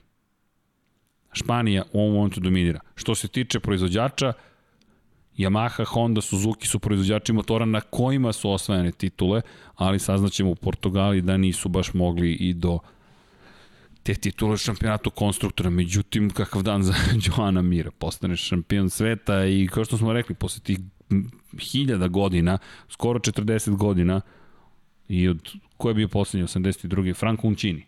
Da, Franko Unčini koji mu je prišao da mu čestita, čovjek da. koji je danas delegat medicinski koji je došao da čestita, Franko Unčini koji je legenda Moto Grand Prix-a, koji je eto osvojio titulu i to je taj period sa kraja 70-ih i početka 80-ih prošlog veka kada su uspevali da osvajaju titule. Marko Lukinelli, čuveni Barry Sheen, to je ta ekipa Suzuki-vih vozača. I naravno Kevin Schwanz i Kevin, Kenny Roberts mlađi dan koji pamtiš. Da, da. Ve, god da velika stvar, to. ono posledno što smo pričali, 100 godina Suzuki-a, 60 godina njihovog sportskog programa, sve se, sve se poklopilo i eto tu im je samo nedostajalo taj, taj neki ovaj, šlag na torti vezan, vezan za tu ovaj, titulu među konstruktorima, ali dobro, mislim, ne, ne može sve da bude idealno, mislim da su i s ovim jako zadovoljni. Ovo je da li sezona, su očekivali stvarno bila sezona i, i, i, snova, i snova za njih. U šampionatu timova su najbolji. Da, imali su znači, motocikl koji, je, koji se pokazao najidealnim za sve staze i ono što smo spominjali, ovaj, nema veze, možemo sada da kažemo umesto zaključka koji treba da dođe posle, poslednje trke, ali njih jednostavno u, u, ovaj, u Portugalu kao da nije ni bilo. Ovaj, jednostavno ono što, na, šta, na, na šta trebaju da, da obrate pažnje, na, če, na čemu trebaju da rade, to je, to je ta neka uh, konačna snaga tog motocikla, taj neki jedan brzi krug u kvalifikacijama i koji će i u, i u samim trkama da, da im donese neko primustvo koje, koje nisu imali. Sve ostalo imaju. Inače, da znaš, trenutno trajimo koliko? 3 sata? Još ne. 3. 2 i 50 i nešto. Evo do 3 sata i onda ćemo da napravimo pauzu pa ćemo da uđemo u kosmos da bismo lansirali Starship. Vanja kaže imate 10 minuta ako to hoćete. I Beri Shin specijal. Pokušat ćemo da odgovorimo na, na, na pitanja, ali mislim da to nećemo uspeti večeras. mislim da ćemo u kosmosu odgovarati na pitanje za Moto Grand Prix ako hoćete da ostanete uz nas. Izvinite, ali mnogo toga želimo da postignemo. No, Moto dvojke Moto dvojke, da pokušamo da, da, da sve ovo izvedemo nekako. Oni koji slušaju na podcastima, eto što da vam kažem, potražite YouTube kanal Infinity Lighthouse pa ćete videti, nadam se, lansiranje Starshipa, misija SN8 na 15 km, Zvezdani brod, poleće, nadamo se večeras. Moto dvojke i ono što sam krenuo da pričam malo pre, kakav, kakav tužan kraj, srećom nema neke teške posledice zdravstveno za Sema Lousa, ali u kvalifikacijama izlaće se staze i odmah smo znali da je veliki problem u pitanju. Vrištao je na skuteru kada su ga vraćali u ekipu i član ekipe bio na Mark VDS Racingovom skuteru je već, već bio bio i, i, i besan, ali ne da Sema Lousa, već kada vrištiš prosto na, na, na ceo svet. Na tu situaciju da. koja ti se desila. Pa on, jednostavno on do Lemana nije, nije, nije sam ni slutio da će moći da se nađe ovaj, u, u, u borbi za titulu i onda imaš tri trke i snova, tri pobede i snova i onda eto tako nekako sva tvoja razmišljanja i nadajanja se rasprsnu, eto, mislim ono, zbog te jedne situacije, nezgodan, nezgodan pad na pogrešnom si mestu, opet udarac motocikla i sve bez veze ispadne, ovaj, i eto jednostavno on je u tom trenutku znao da, da je njegova borba za, za titulu praktično gotova. Jeste ali nije se predao. Pa nije se predao, mislim, on. Znaš, jer znali smo cela situacija kako je te ti uh, spletovi situacije i događaje i on je tu imao neku nadu da eto možda može nešto da se da se izrodi što bi njemu išlo na ruku, bar ono tipa da se oporavi do poslednje trke, ali jednostavno to je bilo jako teško. Bilo je teško, ali meni dalje to je jedna od scena koju ću pamtiti i pogotovo kada stignemo do Portugalije, o tome isto možemo da pričamo. Pa, rasplet, scenu rasplet smo mi videli u Portugaliji tamo. je pokazao da, da, da je opravdano bio ljut zbog ovoga što se desilo u Valenciji. Ali je vozio. Yes. Sa povređenim yes, rukom na kraju skinuo zavo i rekao ja vozim trku. Mislim, to je, ajde, svaka čast, ali to su opet ove situacije što pričamo i za Markeza riskantno. Te, riskantno, teško ići protiv prirode i ovo, eto, na, na sreću nadam se da on neće imati neke teže posledice, ali ovaj, znam da su želje velike, ali to, to jednostavno nije, nije dobro, ali eto, ne, teško je njih ovaj njihov mentalitet ovaj da da da pobediš sa nekim nekim drugim oni su jednostavno momci koji su rođeni za trkanje i to je na prvom mestu definitivno to ne može ništa da promeni. Nema predaje. Nema predaje. Ali vidi, da. donosi, nosi to sa sobom svoj rizik, ali donosi neke neverovatne priče. Priča Sema Lousa je ovoga puta neverovatna. Prosto je neverovatna. On je sa onakvom rukom osvojio dva pojena, bio 14. Vodeći u šampionatu sveta nastavio je svoju trajektoriju, da, silaznu da. putanju. Da drugi, treći, četvrti, šesti, međutim zadržava prednost u šampionatu sveta zahvaljujući pre svega povredi Sema Lousa, 14 bodova, Luka Marini je smanjio za jedan poen razliku, važan je to bio poen, bio je peti, na 18 bodova se približio i trećom pozicijom Marko Beceki bio na 23 poena. Pobeda. I dalje potvrđuje ono što ponavljam da je u formi i da, da, da je taj Aragon u stvari bio njemu ključan za, za tu borbu Jeste. za titul. I pobeda Jorge Martin. Da. Jorge Martin pobeda. Da, koji isto e, tom pobedom nekako je to zatvorio taj svoj krug povratka. Jeste. Jeste, bukvalno ga zatvorio. Da, da. I da dodamo Hektora Garza u celoj priči, koji je pokazao ljudi da Moto je, Mo- mogu i ja. otvorio vrata, mogu i ja. Mogu ja, I to malo nije došlo do pobede, kakav je ono manevar bio na kraju. I kako je napao, čak i rekao, malo sam čak i preterao sa, kod, sa, u duelu sa Becekijem, redko se napada baš na onaj način u Valenciji, ali okej. Okay. Ali okej. Poštujemo. Okej. Bio, je, bio je sjajan. Moto trojke, Albert Arenas ponovo ne može do pobedničkog postolja, pozicija broj 4, pobeda Toni u Arbolinu. Čisto da se zakomplikuje skroz situacija u šampionatu sveta, samo 11 bodova razlike između vodeće trojice, a Jogura osmi, ni na nebu ni na zemlji. Ponovo... Da, ovo sve što smo pričali, Jeste. znači u trenutku kad trebaš da budeš agresivan, ti pokazuješ eto neke slabosti, ne želiš da ulaziš u duele, lako prepuštaš pozicije, to, to Ne možeš tako se ne tako. boriš za vrh. Ne možeš To je- tako da to to, titul. to je A to. Toni Arbolino je pokazao jednu od najboljih trka koje smo videli cijele godine u Moto3 kategoriji. Jedna od najboljih trka. Čovjek koji je zaostajao preko dve sekunde za Raulom Fernandezom i, i rekao sam, ja, ja, ne, ja ne vidim da, će, da neko to može da, da, da, da, da, da sustigne. Opet, kreće. Toni Arbolino. Bum, bum, bum, bum, bum, najbrži krugovi, najbrži krugovi, najbrži krugovi i na kraju dolazi u tu bitku sa Raulom Fernandezom. Sa sobom je povukao Sergio Garciju ponovo i cijelu tu grupu i doleću do Raula Fernandeza kome pripada treće mesto na kraju, ali Toni Arbolino, pobeda koja mu je toliko bila potrebna. I vratit ćemo se opet, tih 11 pojena i ta, Ar- ta, to odsustvo zapravo iz Aragona, koliko su promenili tog Jednostavno, šampionata. eto, imamo, imamo te ožiljke iz, sezone vezano za vozače koji su propuštali razne trke zbog, zbog korone i eto, nikad nećemo biti u prilici da saznamo kakva, kakav smo zapad mogli da imamo zbog odsustva, eto, Martina, Arbolina, ne znam, Rosija, to je baš onako promenilo čitavu priču. Šteta. Šteta. Blago rečeno šteta. Ali eto, jednostavno takva je sezona i to moramo da prihvatimo kao sastavni deo nje. Jednostavno, 2020. je takva bila i to, je- mislim, ne bismo imali takvu sezonu da nije bilo tih problema s koronom, tako da to je sve povezano i eto, nažalost, i naravno vezano za, za, za priču o motociklističkom šam- šampionatu, taj začin vezan za tu povredu Marka Markeza, to je eto, to, nažalost, s tim se uklopila cela ta, ceo taj imidž te 2020. A nju polako zatvaramo. Da. U Portugaliju smo otišli, titula je jedna rešena, dve nisu. Da, Da, Izgledalo je međutim u da. Moto2 da će biti izvesnija situacija. Kada pričamo o Moto Grand Prix-u, Dobro, to sad možemo kratko da bismo ove, Pa ove da, dve kategorije. samo bih- Da, da. par stvari. Prosto je neverovatno koliko priča imamo i, i u Portugaliji, imamo i ovo lansiranje tako da koje se pojavilo iznenada, ali u Portugaliji priča broj 1 Miguel Oliveira. Dobrodošli u Olivirinu kuću. Mot, bajkeri koji ga prate na stazu. da. Dolaziš u Portimao, prelepa staza koju smo toliko dugo čekali da je vidimo i dobijamo tu priliku, ali dobijamo nastavak bitke između Miguela Oliveira, ne oprostite, Franka Morbidelli i Jacka Millera i onda Miguela Oliveira u celoj toj priči koji kaže čekajte, ovo je moj dom. Pol pozicija, prva za Portugalca u najjačoj kategoriji, teh tri tim koji gleda ovolikih očiju, drugi Morbidelli, treći Jack Miller.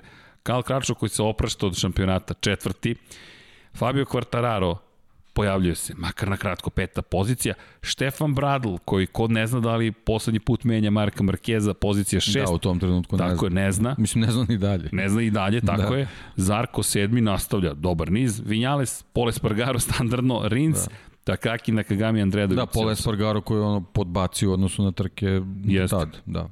I ne I u odnosu na Oliveiru. i ne zaboravimo Doviciozovlja, poslednja, Doviciozova da. poslednja trka, ko zna Gde, možda gde ikad. očekuješ kao ajde poslednja, Tako je. ajde nešto, Nešto, i opet ne. ništa. Rosijev oproštaj od fabričke da. ekipe Yamahe nije se desio na način koji su želeli i mi dobijamo dominaciju Miguela Oliveira, koji se pozdravio sa celom konkurencijom na početku i rekao ja sam otišao. Da. 3 sekunde prednosti na kraju Odjavljujem se. i to bi bilo to. Da, da. I verovatan duel između Millera i Morbidelija u poslednjem krugu u kojem Miller kaže ovoga puta sam ja glavni. da. I bio je agresivan, ali bio čist Ne, ne, manevar. potpuno je čisto sve bilo. Morbidelli rekao, sve snaga motocikla, to je to. To je to. A Baš džentlmenski, onako, da, super, super. ali super. fenomenalna To trka. su ono trke koje, koje očekujemo da, da ih vidimo i u, i u budućnosti. Jeste. To je ono, onako, čisto, čist duel, do, do, Nastavak do, bitaka. agresivan na, na, na granici svega, to je super. Nastavak bitaka koji nam, je, koji nam da. tek sledi. Da. Koji nam tek sledi. I opet, opet priča, satelitski timovi. Kakvi satelitski da. timovi? Tek da. to ono što si pitao prošli put. Da, da li mi da. imamo satelitske da, da timove? Da, da, da. da li ih imamo? Ne, po ovim, po ovim izdanjima ti jednostavno vidiš da je, da je, da je to full spec. Tako je. Osim kod da. Franka Morbidelli. Da, da. Koji i dalje A specifikacija. Ali prelepa jedna trka, trka za pamćenje i nešto što će ostati upisano u istoriji prva pobjeda Portugalca u istoriji Moto Grand Prix. Šteta što je bez publike bila, mislim da bi bila ono mislim da će biti prilike. sport onako za pamćenje. Mislim da će biti prilike. Pole Spargaro nije na pobjedničkom postolju za oprošte od KTM, ali četvrti tu je. Takaki Nakagami potvrdio petom poziciju. Šta može Andredović je odvezenu dobru trku. Bio šesti, ne baš oproštaj kakav želimo, ali to je to je to otprilike za sada, nadamo se da će se vratiti Štefan Bradl, odlična sedma pozicija, dobar Aleš Espargaro, Alex Marquez 9. Zarko 10. i onda priča o Yamahama, Maverick Vinales 11. 12. Rossi, 13. Kal Kračov 14. Fabio Quartararo, duel između Quartarara, Rossi i Vinjalesa je bio impresivan, ali za pogrešne pozicije. Rossi je odneo pobedu nad Fabijom Quartararom, verujem da je to bila važna poruka, i poruka, tako poruka, je. Poruka i da je pokazao ljudi, nisam ja i dalje za starog vožđa, naprotiv, on je, uz, on je u odnosu na Vinjalesa bio 30 inki iza, 2,5. Tako da uz odlazak u Petronas to će biti zanimljiva priča. Veliki podbačaj Rinsa, jedan poen, 15. pozicija i Mira koji nije završio trku i Ducati koji je tako na jednostavniji način došao do titule šampionu Da, ali je utisak i oni da su bili malo bolji zbog, zbog tog izdanja Millera. Ne, ne, bi, ne bi oni taj, te, te bodove mogli da očigledno ovaj, i tu je bio, Mir je imao i onaj kontakt, čini mi se, sa Banjajom, tako da ovaj, sve to poremetilo, tako, ali ono, oni su došli do tog nekog cilja, tu je bilo neko rasterećenje i, i već je ono, kroz petak i subotu se videlo da, da verovatno neće moći da pariraju Ducatiju, to je to. Tako da, Suzuki na da. kraju morao da prihvati tako je, tako. većinu nagrada, tako, da, ali da, jedna otišla u ruke Ducati. Da, ne da mogu da budu nezadovoljni, ali eto, zaslužili su tu nagradu. Ali da podsjetimo, ali, to je druga titula za Ducati u da, njegovoj da, istoriji. Da, da. I svaka čast da, ekipi. U jako teškoj sezoni tako za, za, za Ducati. I ne zaboravimo, Japanci osvajaju praktično sve titule od sredine 70. Da. godina prošlog veka, osim te 2000 sedme godine sa Casey Stonerom i ove godine u kombinaciji svih vozača, što satelitskih, što fabričkih, Petrući, Doviciozo koji su donali pobede i ostali koji su dobro vozili, pre svega Jack Miller, mada pohvali Zarku za jedno pobedničko postolje, pa i Banjaj za jedno pobedničko postolje. Tito Rabat jedini nije učestvovao u, u tom uspehu, ali i on se oprostio od Moto Grand Prix-a. Moto dvojke finale koje nismo očekili da će biti toliko uzbudljivo. Na kraju Sam Lowe's koji je sa povređenom rukom bio na poziciji broj 3 je vožnja godine možda sa da. takvom povredom ruke. U jednom momentu se borio za pobedu, međutim niko nije mogao protiv Remija Gardnera. Luka Marini koji je drugi prošao kroz cilj rekao this, this is impossible. Da, u jednom trenutku je delovalo kao da Rekao, ovo su nemogući krugovi. Trka, međutim... Ovo su nemogući da, krugovi. Da. Gardner to, to kao, kao da je ovaj to sam pričao i baš posle trke, kao da je pustio kao, ok, čekaj, ajde, ajde da vidim u stvari šta sve trebam tu da uradim. Spektakularno.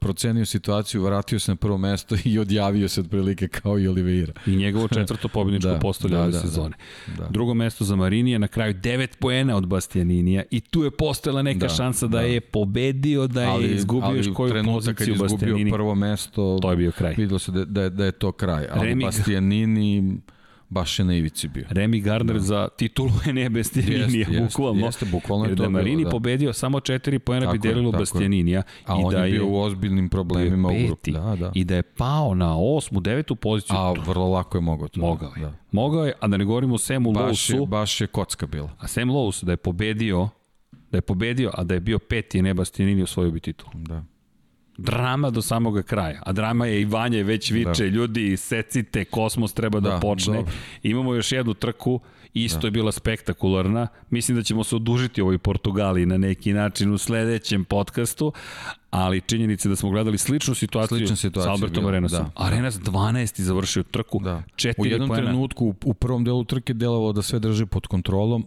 i onda je drugi deo Neverovatno. Kao, kao, da, kao gledaš kako mu izmiče titula tako što ga obilaze bukvalno, bukvalno u svakoj krivini gubio po jednom mestu. Ali, Baš je čudno. Znaš bilo. kada mislim da je osvojio titul? Da je osvojio titul u subotu kada je zapravo Toni Arbolino startovao sa 27. Da, da, pa dobro, da, nego ja, ja, ja pričam iz, iz da, Arenosovog da. ugla da jednostavno je ne, neverovatno da možeš da dozvoliš da, da se takve situacije dešavaju. Samo bih da kažem da je zapravo Arbolino da. u subotu sebe koštao šanse za titul, jer sa ovakvom vožnjom Alberta Arenasa, Arbolino da je bio na poziciji 3 osvojio bi titulu.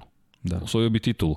Tako da je Arbolino žrtvovao da. tim e sad, možda, možda bi ali bolje Albori, al, al, Arbolinove kvalifikacije, možda bi on, ovaj se malo više angažovao, ali jednostavno pokazalo se da te kalkulacije na, na taj način Nije, nije, Deki, nije dobro. Na kraju nije sezone dobro. četiri poena su delila da. Oguru, da. Arbolina da. i Renesa. Ogura, s druge strane je osmi prošao kroz cilj. Opet ista priča. Ista da priča. je bio ista četvrti. Priča. I on je u jednom trenutku otvorila mu se situacija, on nije, nije zgrabio, nije bio agresivniji koliko trebao, samo da, da, da je tu ne, neku poziciju prigrabio, da se odvojio malo od druge grupe, možda bi njemu bilo jednostavnije. I Ali Arenas se... jednostavno zbog toga nije imao ni potrebu prateći njega Eto, jednostavno... I, I vratimo se za Arbolina na Aragon i COVID-19. Da, da, tako je. Tako za Arena sa te neke incidente u kojima nije učestvovao. Na kraju se sve iznivelisalo. Pričamo o Arbolinovom problemu.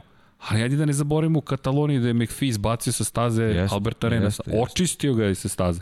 Na prvoj trci u Valenciji. U Valenciji, isto. Izbačen isto, praktično. Isto. Da nije bilo ta dva incidenta, pitanje da li bismo imali tako uzbudljivu završnicu U Mizanu jednom čini mi se Binder ga je bilo je, pa, da, bilo je problem. Nije ga izbacio, ali, ali, opet je nastao problem nastao posle toga. Nastao je problem, mislim, Jest. izbacio ga iz ritma potpuno. Da, tako da, da kada sve sabereš da. i oduzmeš, ne možemo da svedemo na, na, na Arbolinov problem. Prosto je Albert Renas zaokružio sezonu jest, u kojoj ima i puno incidenata jest. bolje.